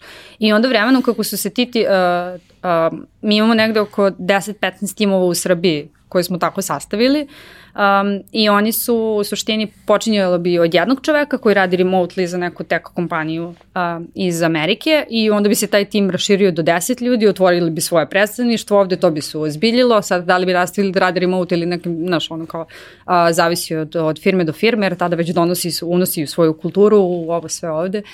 Ovaj, tako da se na, toj, na, na taj način se to kao razvijelo. Imali smo upite za outsourcing koji smo mi u stvari znaš, ono kao gurali kao... u nešto drugo. Da, konvertovali u nešto drugo što smo verovali da ima više, više smisla za domaće talente. A prvi put kad smo radili na tome, uh, ja sam u stvari shvatila kao neuspeh i dan danas mislim da jeste, to što je taj tim koji imao 15 ljudi, uh, prešao u kancelariju, znaš, jer meni ideja remote od uvek bila fascinantna, znaš, ono kao imaš priliku da radiš bilo gde na svetu i ti otvoriš kancelariju u Beogradu. To što je lepo. da, ove, jeste, pa dobro mislim.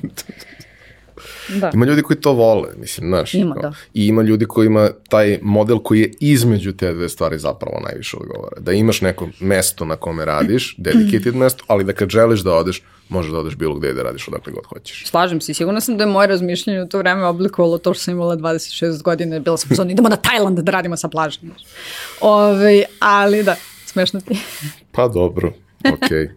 Mladi ljudi su neobični. Nerazumni. Um, da, tako da, eto, kao ta prva ekipa koju smo sastavljali, oni su čak išli u LA i tamo su proveli neko vrijeme uh, radići. Um, mislim da su oni bili onako zadovoljni cijelim tim iskustvom. Ne mogu da kažem da je to bilo, da je ta ceo, ceo taj proizvod, cela ta ekipa da je završila nekim uspehom. A, nastavilo se na, dalje u razvoj, naravno, kao to sve stoji. Uh, volala bih da vidim da su kao setupovali ovde baš kancelariju kako je trebalo, znaš, i da se to razvijalo u nekom boljem smeru. Mislim da im je nedostajao leadership, znaš, kao da je, da je cela ekipa bila dovoljno mlada ili dovoljno neiskusna da ne može da postavi kao uh, neke osnove kako treba.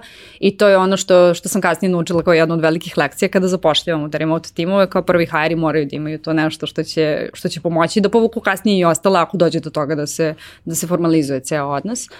Um, Sada je već malo drugačije, baš zbog ovoga što si ti rekao. Znaš, a, tržište je tako da je remote mainstream, znaš, zapošlja s svih strana. Tako da ne vidim da ćemo u narednom periodu baš imati prilike da otvoramo ovako predstavništvo u Srbiji, znaš, niti da radimo na tome da kao kompanije, da insistiramo na tome da kompanija od odstav otvore predstavništvo. Um, ali mislim da smo time što smo omogućili, mi smo radili sa recimo uh, u biotech uh, industriji dosta, medtech industriji generalno. Uh, imali smo uh, i dosta prilike da radimo s različitim uh, SaaS kompanijama i imali smo neke klijente o kojima sada ni, i nikad nećemo moći da govorimo. Um, a radili su domaći talenti za, za te kompanije. Znaš, I onda onako imaš priliku da se, znaš, imaš potrebu da se pohvališ i da kažeš svima vidi stiker, znaš, ovo kao treba da ti bude dovoljno dokaz o tome kao šta, šta radimo i koliko je bitno za ovo naše tržište.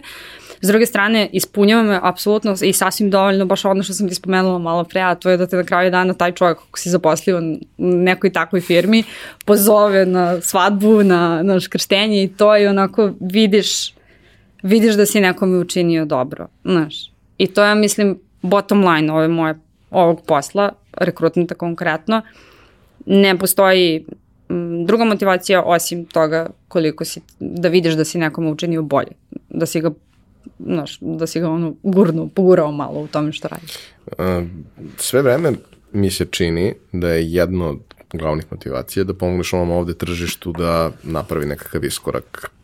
I taj moment gde kao stranci uzimaju pojedinačne ljude kao nekakav uh, remote uh, assistance, pa se to mm. širi, pa se formira nekakav tim, pa od tog tima jednog dana postane nešto više, bože mm. zdravlja neki manji lab, pa razvojni centar, pa tako dalje. Mm. To je onako neki mm, lep razvojni put koji se ne dešava uvek, ali ponekad kad se desi mm. to, to stvarno super. Ali uh, to te ostavlja negde vezanim za ovo tržište, odnosno za ovaj talent pool koji postoji ovde, koji je ograničen, vrlo. Mm -hmm. A vi ste porasli vremenom toliko da mislim da ne možete da budete isključivo vezani za to tu. Da, pa mislim to je ovo što, sam, što smo mi rekli da se sad već daleko, znaš, da se menja, remote dovoljno mainstream, da sada više ne postoje baš pravilo o zapošljavanju kao uh, da je isključivo lokalizovano tržište neko. Imali smo prilike da radimo tako nešto. Makedonija je bila jedno vreme dosta interesantna, ali tamo je tržište još manje i ne mogu da, ne vidim prostor da skaliram, znaš.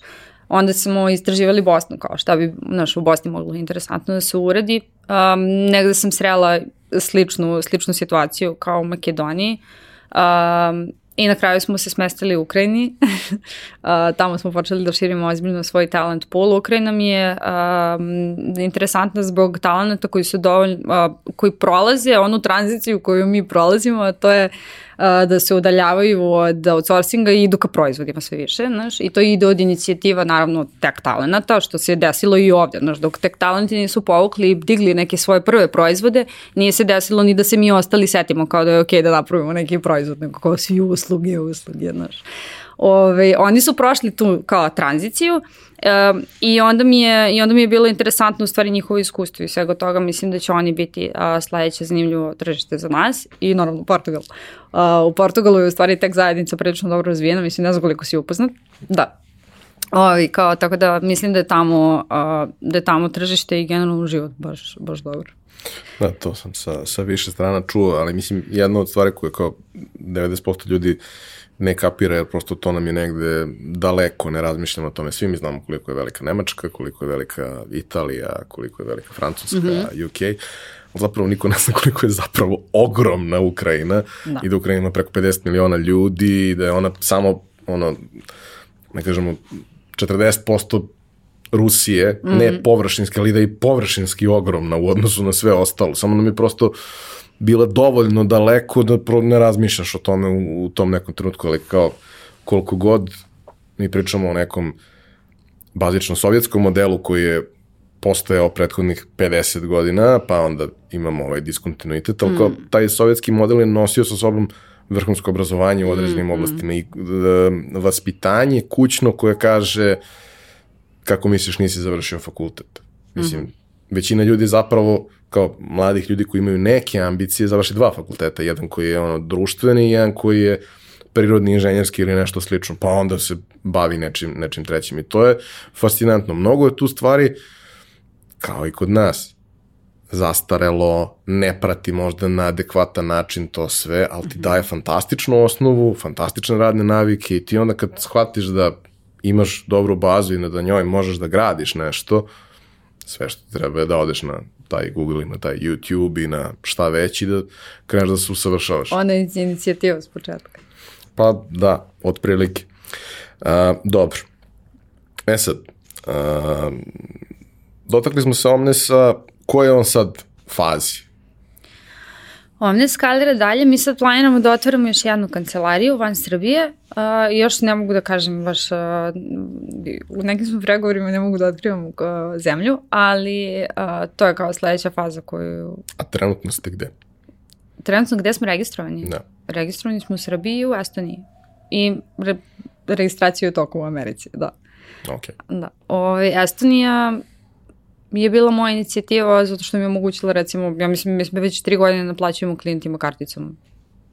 I njima je to super, znaš, ono kao, neke stvari smo omogućili koje bi Srbije naravno nismo mogli. Ove, um, šta si mi pitao? Šta, je nared... šta su, da. što su naredni koraci? Odnosno, ajde da kažemo šta je presek stanja trenutni. Da. Vas ima više od 20 trenutno tamo. Da, ima ih nešto bar dosta. ovaj, šta je prosto trenutno stanje stvari? Pošto si se ti negde, barem koliko ja mogu to da ispratim, dosta fokusirala na ovo naredno o čemu ćemo da pričamo. Da. Što znači da, ok, Omnis je tvoja čedo, ali već je ono otišlo negde. E, znaš šta, ja sad, sad bih već postala i toksična po Omnis, znaš, zato što to skalira, znaš, ono kao negde to ima svoje potrebe, znaš, i kako ljudi razvijaju uh, naše usluge, možda bih se previše mešala u to da sam tamo toliko prisutna. Uh, Đole jako dobro vodi tim, uh, Uh, jako sam ponosna na to sve što oni rade, između ostalog i te inicijative koje imaju. Oni se sada već postavljaju i sa ovim svim, uh, na primjer, dosta istražuju tržište, znaš, prikupljaju, to su pokupili od mene, da hrčkare podatke, što je jako bitno, jer je to ono što ih pozicionira kao uspešne konsultante i uspešne savjetodavce talentima, je li tako? Znaš. Uh, I onda te pozicije se sada kristališu kroz Omnes polako, znaš, kao nisu više samo regruteri, uh, diže se marketing odeljenje, diže se ta, uh, um, candidate, to jest talent experience odeljenje, to je ono što sam ti rekla da izmišljamo pozicije, znaš. Um, uh, diže se, uh, onda imamo i legal sada, koji u suštini služi tome da posavetuje, posavetuje poslodavci na koji način da izvedu nešto. Uh, to je, znaš, ono kao, e, ljudi ovde imate subvencije, znaš, da, da. Uh, taj moment je jako bitan jer kao na taj način mi pružamo neki bolji customer experience uh, kroz naše usluge. I to se, ne, znaš, ja imala običaj da kažem, to se sve dešava samo u se, od sebe. U stvari se ne dešava samo od sebe, znaš, mi smo morali da potpalimo mnogo vatri pod tim ljudima dok smo ih obučavali, da bi oni, naš, imali kao tu inicijativu i da ih šutneš malo, znaš, da ih poguraš kod toma, ajde slobodno uradi nešto sam, znaš. Ove, I sad se to kao dešava samo od sebe, znaš. I onako, zato kažem, prilično sam ponosna na sve ono što oni rade. Uh, ali veliku ulogu u kulturi i u tome uh, na koji način se Omnis razvija imao svako od nas troje, onih s početka, i Taša, i Đorđe, i ja. I uh, razlog zašto ovaj, ti imaš druge stvari kojima se baviš već neko vreme kao primarno, a ovde si i dalje kao mm. co-founder, ovaj, je to što si odlučila da ono što je već okrenuto na glavu ponovo okreneš na neku drugu stranu, pošto ako je okrenuto na glavu, ako ga vratiš, on vraćaš se u ono prethodno stanje u kom je bilo. da. A, napravila si start koji je onako, kad prvi put sam čuo za to, kao, dobro, ovo je potpuno logično, kao, kako moguće da on niko nije napravio do sad. Da. Ok, mnoge logične stvari ljudi nisu napravili, zato što nisu verovali da može, mogu da funkcionišu. Mm. Obično to podrazumeva da kao da nemaš adekvatno sektorsko znanje, ne razumeš šta tržištu treba. Ili razumeš na nivou ja sam, ja razumem tehnologiju, ali ne razumem biznis deo, jer me nikad nije zanimao. E sad, ti donosiš jako dobro razumevanje tržišta, zapošljavanja, kako ono funkcioniše i šta su prosto motivacije svih uključenih u taj proces. Kad to razumeš, onda manje više možeš da razumeš i sve ostalo, možeš da rekreiraš sve ostalo na neki način. Napravila si rekrut. Mm -hmm. Kad si napravila rekrut? Šta je rekrut? Zašto si krenula sa tim?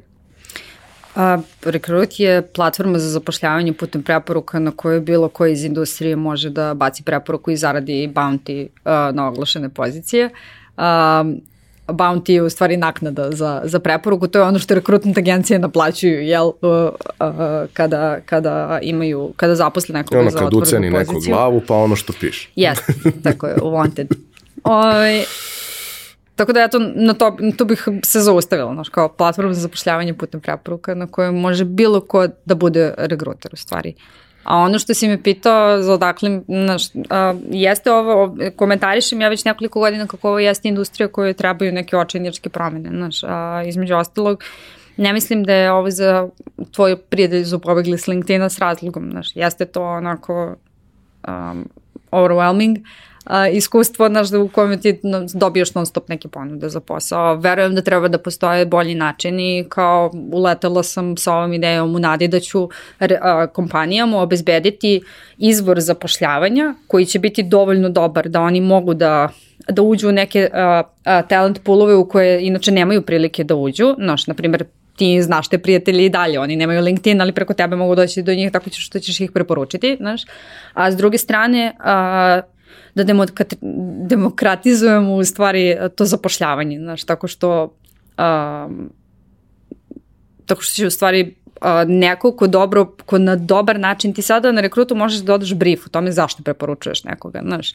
I onda i ako neko nema dovoljno iskustva, možda prema tvojim svim specifikacijama koji si navio u predugom uh, job descriptionu, znaš, uh, možda će neko preporučiti sa ozbiljnim razlogom nekoga ko možda ne odgovara svim a, a, svim a, requirementsima, ali s druge strane može biti dobar meč zbog nečeg drugog. Znaš. Tako da na taj, na taj deo mislim kada kažem demokratizujemo kao zapošljavanje kroz rekrut. E sad, uh, taj moment kako je stvar postavljena mi je jasan da uh, ja kao neko ko ima svoju mrežu kontakata mm -hmm. ima motivaciju da se uključim, preporučim nekome nešto, ako mi se čini da je to dobro za njega, ok, mm -hmm. ja ću mu preporučiti, njemu će biti dobro, ja ću dobijem neki keš od svega toga i nije ni meni loše u tom procesu, to je sve cool, ali gde je biznis? Od, misliš kao od čega je Šta je biznis model? Na koji način je postavljen biznis model? Da, a, kompanije se um, subscribe-uju, odnosno a, pretplaćuju se na mesečnu a, naknadu korišćenja rekruta, na koje imaju određeni broj slobodnih a, mesta za oglase. I kada zatvore, na primjer, možeš da se pretplatiš na a, paket koji ima tri slobodna mesta a, a, i a, kada zatvoriš jednu poziciju, da otvoriš sledeću i tako dalje. Rekrut monetizuje od toga. Ideja i value proposition je upravo ovo što sam, a, o čemu sam počela malo čas da pričam, a to je da na ovaj način kompanije u stvari dolaze do eksternih preporuka. Ti interno možeš da, da prikupiš preporuke od svojih kolega, ali jako je teško doći, a, naći način da dođeš do eksternih preporuka a, i između ostalog na platformi, pored a, talenata samih, su prisutni naravno i freelance rekruteri, tako da u stvari rekrut dugoročno menja rekrutment agencije. U suštini, ono što nismo pomenuli, odnosno ti si se nekako naslonila na to u priči, ali nismo to objasnili. Uh mhm. -huh.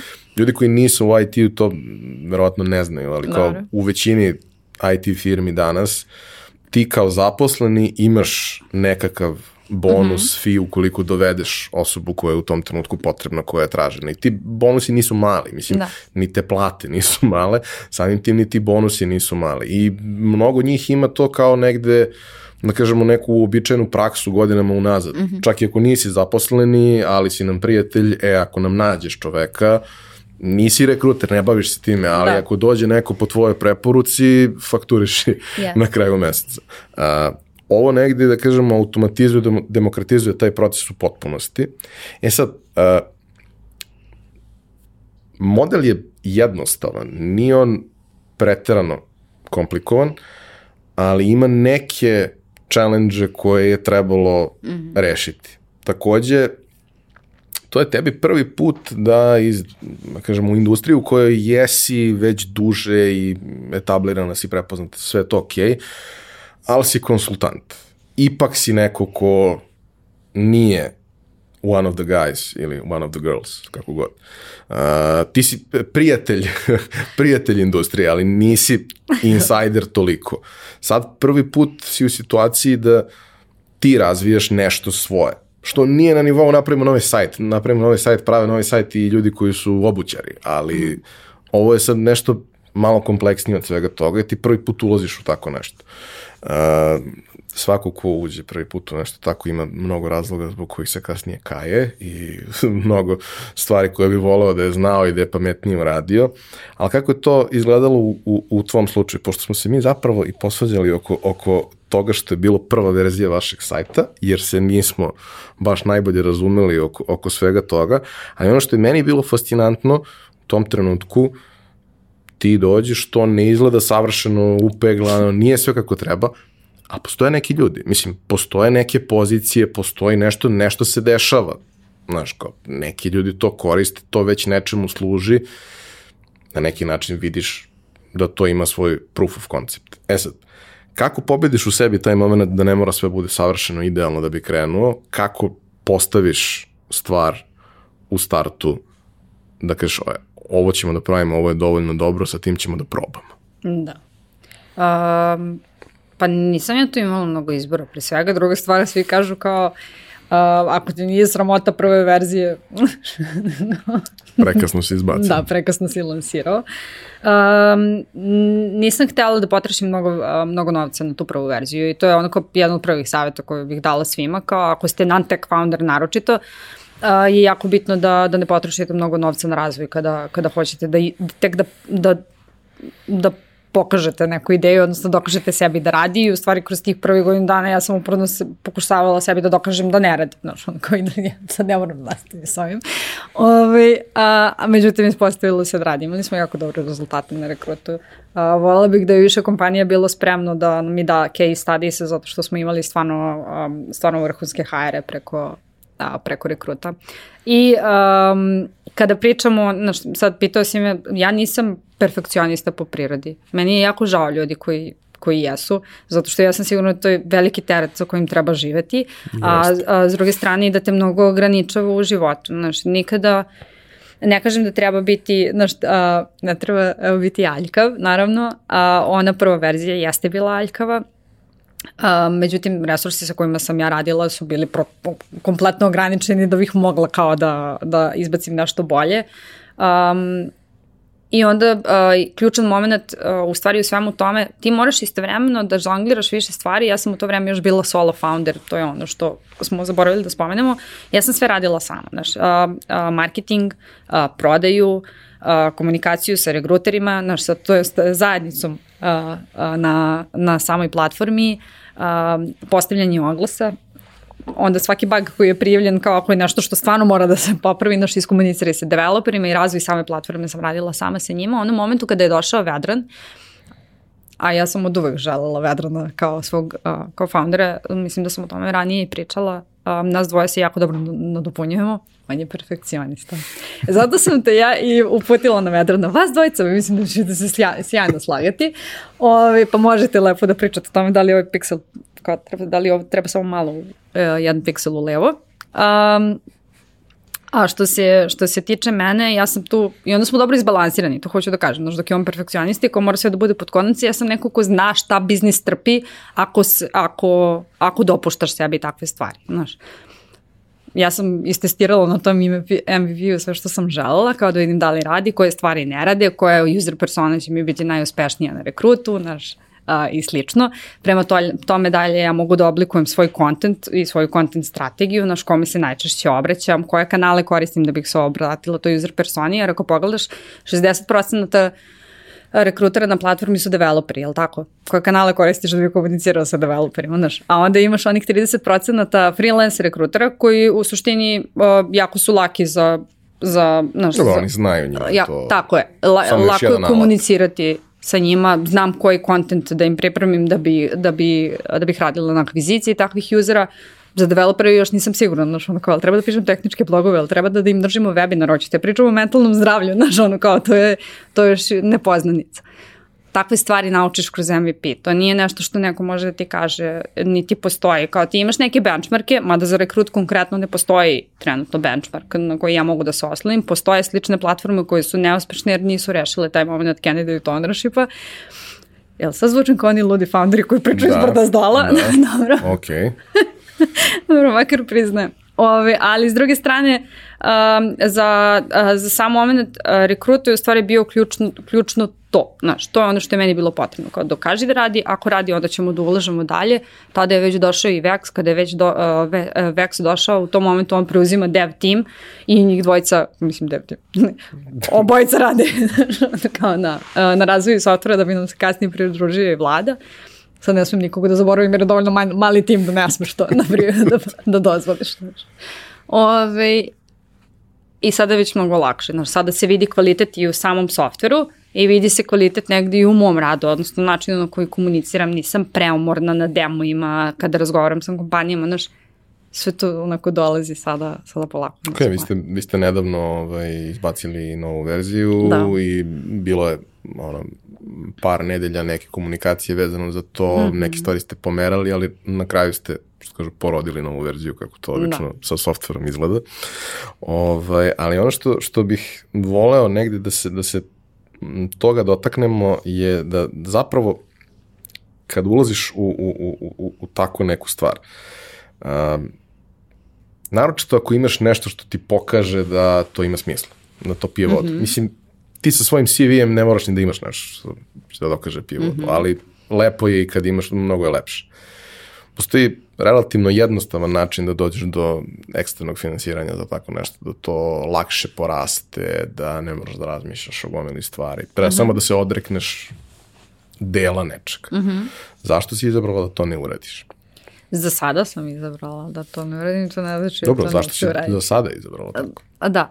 A, pa upravo zbog ovoga što sam ti rekla, a, a, za bilo kakvo finansiranje potreban ti je traction. Onaj traction koji smo mi imali na početku je najviše bio baziran na broju usera, zato što ljudi su pohrlili, ja sam sigurna da će i posle ove epizode opet se to isto desiti, a, da a, pohrlili su na rekrute zato što jeste sjajan način da ti ostvariš neku pasivnu zaradu. Znaš, ono kao dovoljno da preporučiš prijatelja za posao i ti ćeš dobiti novac za to. Znaš. A, I a, ponude koje smo mi dobijali su bile zasnovane baš na tom tractionu, na broju usera, gde meni ideja kao takva nije i dalje bila validirana. Znaš. A, u poslovnom svetu postoji ta, to pravilo, nepisano, ali zvanično, da ukoliko uzmeš investiciju, ukoliko a, ta investicija, znaš, da, ukoliko se ne isplati, ti tu investiciju moraš da vratiš. Mm, znaš, ne kažem da je kao neophodno, ali to su dobri poslovni običaji u, u ovoj industriji. A, Može, ja ne si želim. ti jedna romantična osoba kada je novac u pitanju. Ne e, kada da bi dođem... većina startup foundera tako razmišljala. Pa uspešni startup founderi tako razmišljaju. Makar to je mo moj stav. Zar ne misliš? Zato ih ima toliko malo. Da, zato uh, mislim da, da je jako bilo bitnije da ja validiram prvo ideju, da znam da to, da to možemo da izvedemo, kao e, ovo ima, radi posao i kao kompanije će koristiti i zapošljavaće putem rekruta. Ove, a za a za kao kasnije, da, sad smo već otvoreni da razgovaramo o investicijama. A šta vam je neki plan za dalje? Šta je uopšte bila ideja sa novom verzijom? Uh -huh. Šta ona donosi? I šta je neki od onoga što možeš da pričaš, uh -huh. uh, šta je neki plan za dalje? Uh -huh. uh, nova verzija, osim tog uh, subscription modela, odnosno pretplate, uh, donela bolji UX, što nam je bilo, jeli, neophodno. E, dobro, dobro, bit će sad sve u redu. Na mala pobeda, dobro. I bolji UI. Um, Uh, osim toga, uh, radili smo na, podigli smo dosta sadržaja koji informišu korisnike, naprimer Health Center, centar je jako bio, uh, bio je neophodan i između oslog jedna od najbitnijih funkcionalnosti na nove verziji je job board, odnosno sada svako može da napravi svoj uh, mali sajt za oglašavanje na rekrutu i da ima link put koji je jedinstven, tako da kogod da se prijavi putem tog linka bude njegova preporuka. Znači ti kao Ivan Minić imaš svoj jedinstven Ivan Minić uh, link i po, kogod da se prijavi putem tvog uh, linka uh, je tvoja preporuka za, za tu poziciju. Uh, job board je trenutno kao funkcionalnost je trenutno u beta verziji, tako još uvek razvijamo da vidimo šta će tu raditi posao. Dobro, to znao sam što imate neki komentar. Jel zato što nije klikabilno celom? Ne, neka sve u redu. Samo radite. Naučio sam da se ne svađam. Ove, da, tako da to je kao funkcionalnost koja je, koja je the next big thing. Ono što je super je što smo mi dogovorili već saradnju sa preko 50 influencera uh, iz Evrope i Amerike. Trenutno razgovaramo sa domaćim predstavnicima zajednica i ono što mogu da najavim je da se PHP Srbija među prvima pridružila ovoj inicijativi, zato što pogotovo u takvoj zajednici, između ostalog Unicorn Tech iz Berlina, ima nekoliko, nekoliko zajednica koje nam se pridružuju na ovaj način, zato što to njima omogućava u stvari pasivnu zaradu koja će im pomoći u razvijanju dalje zajednice, da li kroz mentorstva, da li kroz neke softvere koji su im potrebni i tako dalje. I ono što najavljujemo za naredni period je diverzifikacija motivacije za preporuke, odnosno to neće više biti samo novčane, nego će biti različite motivacije. Da, često kada, kada pričamo ovaj, o tim nekim stvarima, a imam firme koje me cimaju da se posavetuju oko toga kao šta bi, šta možemo da uradimo da, da naši developeri budu srećni. Mm -hmm. Pa kao napravite nešto, neko takmičenje, nemam pojma. Ja smo dosta pričali o tome kao jedna od stvari koju sam zaključio i koja se ispostavila da radi super, to je ono, nemojte da im dajete bonus u novcu. To im ne znači ništa. Oni mm -hmm. već imaju dobre plate, plate imaju tu divnu osobinu da idu u porodični budžet i imaju tu lošu osobinu da idu u porodični budžet. Kupite im neki gadget koji im u kući ne bi dali da kupe. Uh mhm. -huh. I dajte im to kao mogućnost. Neće mnogo više da se cimaju, iako je to manja količina novca, jer mogu da dobiju neku glupost koju žele, ali im uh, žena, devojka neće dati da to kupe ili kako god da, da, da, da to postaviš. I onako, daj im neke stvari koje vole, koje su im vredne, za koje nije toliko bitno koliko možda ono finansijski na kraju ovaj na, na kraju koštaju jer kao ima gomila stvari za svakog od nas i, i stvari i experience koje kad staviš u Excel nisu skupi, ali nećeš ih sebi priuštiti jer nećeš ih sebi priuštiti. Ali ako bi ih dobio, tu se dosta menja postavka ovaj, e, cele, cele te priče. E sad, uh, ono što bih stvarno volao da, da objasnim, a to, toga smo se dotakli i to jeste ono glavni uh, value koji, koji vi dajete na nivou rešenja problema koje ljudi imaju, a to je taj moment, uh, ti ga zoveš candidate ownership, može se zove atribucija, kako god, ali kao, o čemu se radi, zašto je to problem, zašto niko to ne može da reši, kako vi to možete da rešite do onog nivoa koji možeš da kažeš. Mm -hmm.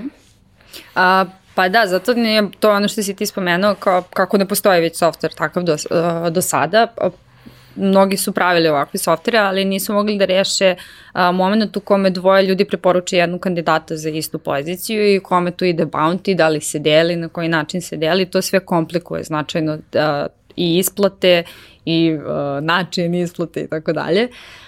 Između ostalog, a, po, u našoj industriji rekrutment važi ono pravilo ko pre kandidatu njegov kandidat, odnosno ukoliko ja prvo preporučim kandidata, ja imam candidate ownership nad njim, odnosno ja uh, imam pravo na naknadu u slučaju da taj kandidat bude zaposlen.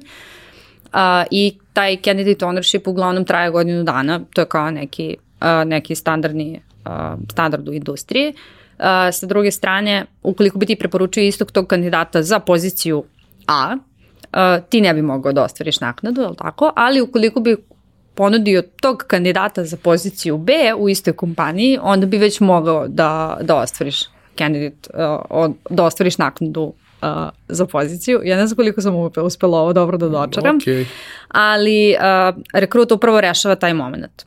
Uh, uh, rešava, uh, uređuje u stvari pitanje candidate ownershipa kroz kroz preporuke koje ljudi šalju, tako da trenutno ne može da se desi da dvoje ljudi preporuče isto kandidata za istu poziciju i da nastane nesuglasica oko toga kome treba da se isplati bounty. Takođe se beleži samo moment vremena i datuma preporuke, tako da imamo kao to sve zabeleženo. Negde je a, prethodno sad onima koji su iz industrije, bit će jasno čemu pričam, a inicijalno sam htela ovo da razvijem, kao da dižemo na, na blockchainu ceo rekrut. Međutim, bio je overkill. Onog momenta kad smo mi napisali algoritam i videli da radi posao kroz a, nebrojeno mnogo testova, a, onda, smo, onda smo odlučili da, da nastavimo sa, vanilom, da tako kažem. Pa dobro, mislim, uvek je ideja da problem koji imaš rešiš na, na jednostavni mogući način, Slat. mislim, to je bar inženjerski pristup. Um, dobro, mislim da smo ispričali dobar deo priče. Ono što, što nismo ispričali, to je kako ti vidiš sebe dalje u celoj ovoj priči. Znači, sve vreme od početka se ti tražiš, čini se da si se kroz neke stvari pronašla donekle, mm -hmm. ali šta dalje? Mi, ovdje sam ovdje sam jako srećna u ovome što trenutno radim. Ispunjava me uh, ta tromeđa marketinga, prodaje, uh, razvoja proizvoda, uh, ispunjava me sve, sve ovi izazovi koji imam sa ovom pozicijom, iako sam, znaš, umrna sam i srećna sam non stop, tako bih to opisala, znaš. Ove, a, ne mogu da vam, ne mogu da dočaram taj moment kada se postavi prva pozicija na, na, na rekrut kao koliko mi emotivno svi reagujemo u timu i koliko u stvari ovako malim timovima i bootstrap founderima znači takva podrška iz zajednice i to je ono što je, znači kada budete videli primere i zašto ja toliko insistiram da delim šta sve što drugi rade, zato što znam koliko na svojoj koži sam osetila koliko je bitan taj moment. Um, u narednom periodu nameravam da se, u, da se potrudim stvarno dobro da ovo odradi posao i onda malo da se smirim. Ti I da diplomiraš. I da diplomiram. Da onda idem da upišem fakultet pa ću da vidim šta ću dalje. dobro. Hvala ti. Nadam se da je vama svima koji ste ovo slušali i gledali bilo interesantno da ste našli neke stvari, bez obzira na to čime se bavite i šta vas interesuje, neke stvari koje možete premeniti kod sebe, pošto većina ovih priča je uh, usko specifična, a s druge strane dovoljno univerzalna da važi za, za, za manje više svakog. Hvala vam što ste nas slušali i gledali. Uh, vidimo se ponovo sledeće nedelje.